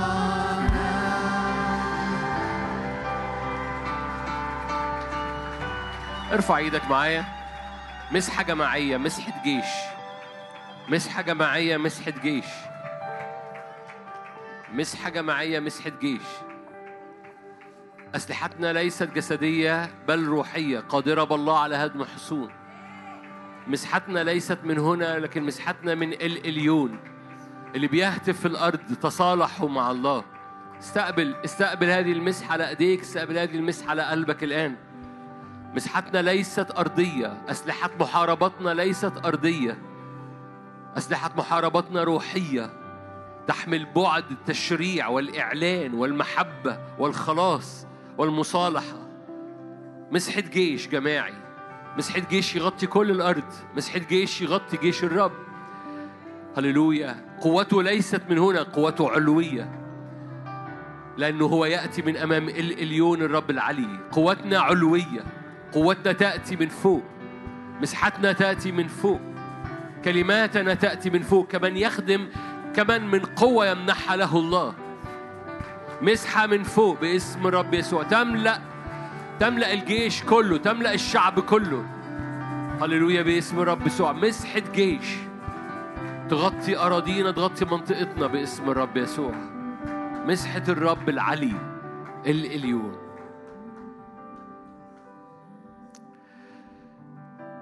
وانت رافع إيدك معايا. ابونا السماوي بشكرك لأنه لا رجوع للورا. لا رجوع للورا. لا رجوع للحياة العادية. لا رجوع للحياة اللي هي معتادة لأن الخليقة منتظرة شيء مختلف مننا. خليقة منتظرة أبناء. مجد الرب يتحرك فيهم ومن خلالهم بحرية. فتبطل عبودية الفساد إلى حرية مجد الأبناء. لا رجوع للوراء اعلن كده معايا لا رجوع للوراء لا رجوع للحياة الطبيعية لا رجوع لعادي بصلي عادي وملك سدوم بيناوشني وبناوش ملك سدوم. no no no الإليون الرب العلي. من بيت الرب الإليون نقول للخليقة تصالحي مع الله. تصالحي مع الله. كل ما تزداد تشفعاتنا تصالحي مع الله. رب يفتح أبوابك. لكي تقولها وجها لوجه مع كثيرين وكثيرات في اسم الرب يسوع. مسحة يا رب علينا. مسحة يا روح الله. مسحة جماعية على شعبك اللي في القاعة واللي بيستمعوا. مسحة جماعية على شعبك الناطق بالعربية أيا كانت البلد. هللويا. في تكليف بيطلق علينا بصورة روحية مش بصورة جسدية. للناطقين بالعربية في أوروبا. فصلي معايا مع للناطقين بالعربية في أوروبا. صلي من أجل حالة الكنيسة العربية في أوروبا. باسم الرب يسوع. فارفع إيدك معايا وصلي معايا. لأن مش حالة الكنيسة في أوروبا مش داي العربية بقى. أنا بتكلم الكنيسة العربية في أوروبا مش دايما في ملء النهضة. إحنا بنتحد معاهم بنقف في ظهرهم نطلب ملء النهضة. ملء النهضة لأجل الكرازة ملء النهضة من أجل القوة ملء النهضة من أجل الآيات والعجائب على الكنيسة العربية في أوروبا باسم الرب يسوع. افتح قوة السماوات يا رب على الكنيسة العربية في أوروبا. أمطار بركة أمطار حضورك وأمطار مجدك. صلي معايا. الرب يرد سبيك لما تصلي من أجل أصحابك. في اسم رب يسوع. افتح قوة السماوات فوق الكنيسة العربية في أوروبا. من أجل خلاص النفوس. من أجل النهضة. في اسم الرب يسوع. هللويا. هللويا. هللويا. هللويا. مسحة الرب القدير. تملأ الشعب حتى طرف الثياب. محبة الله الآب نعمة ربنا يسوع شركة وعطية الروح القدس تكون معكم تدوم فيكم من الآن وإلى الأبد. آمين. ربنا معاكم ملء البركة.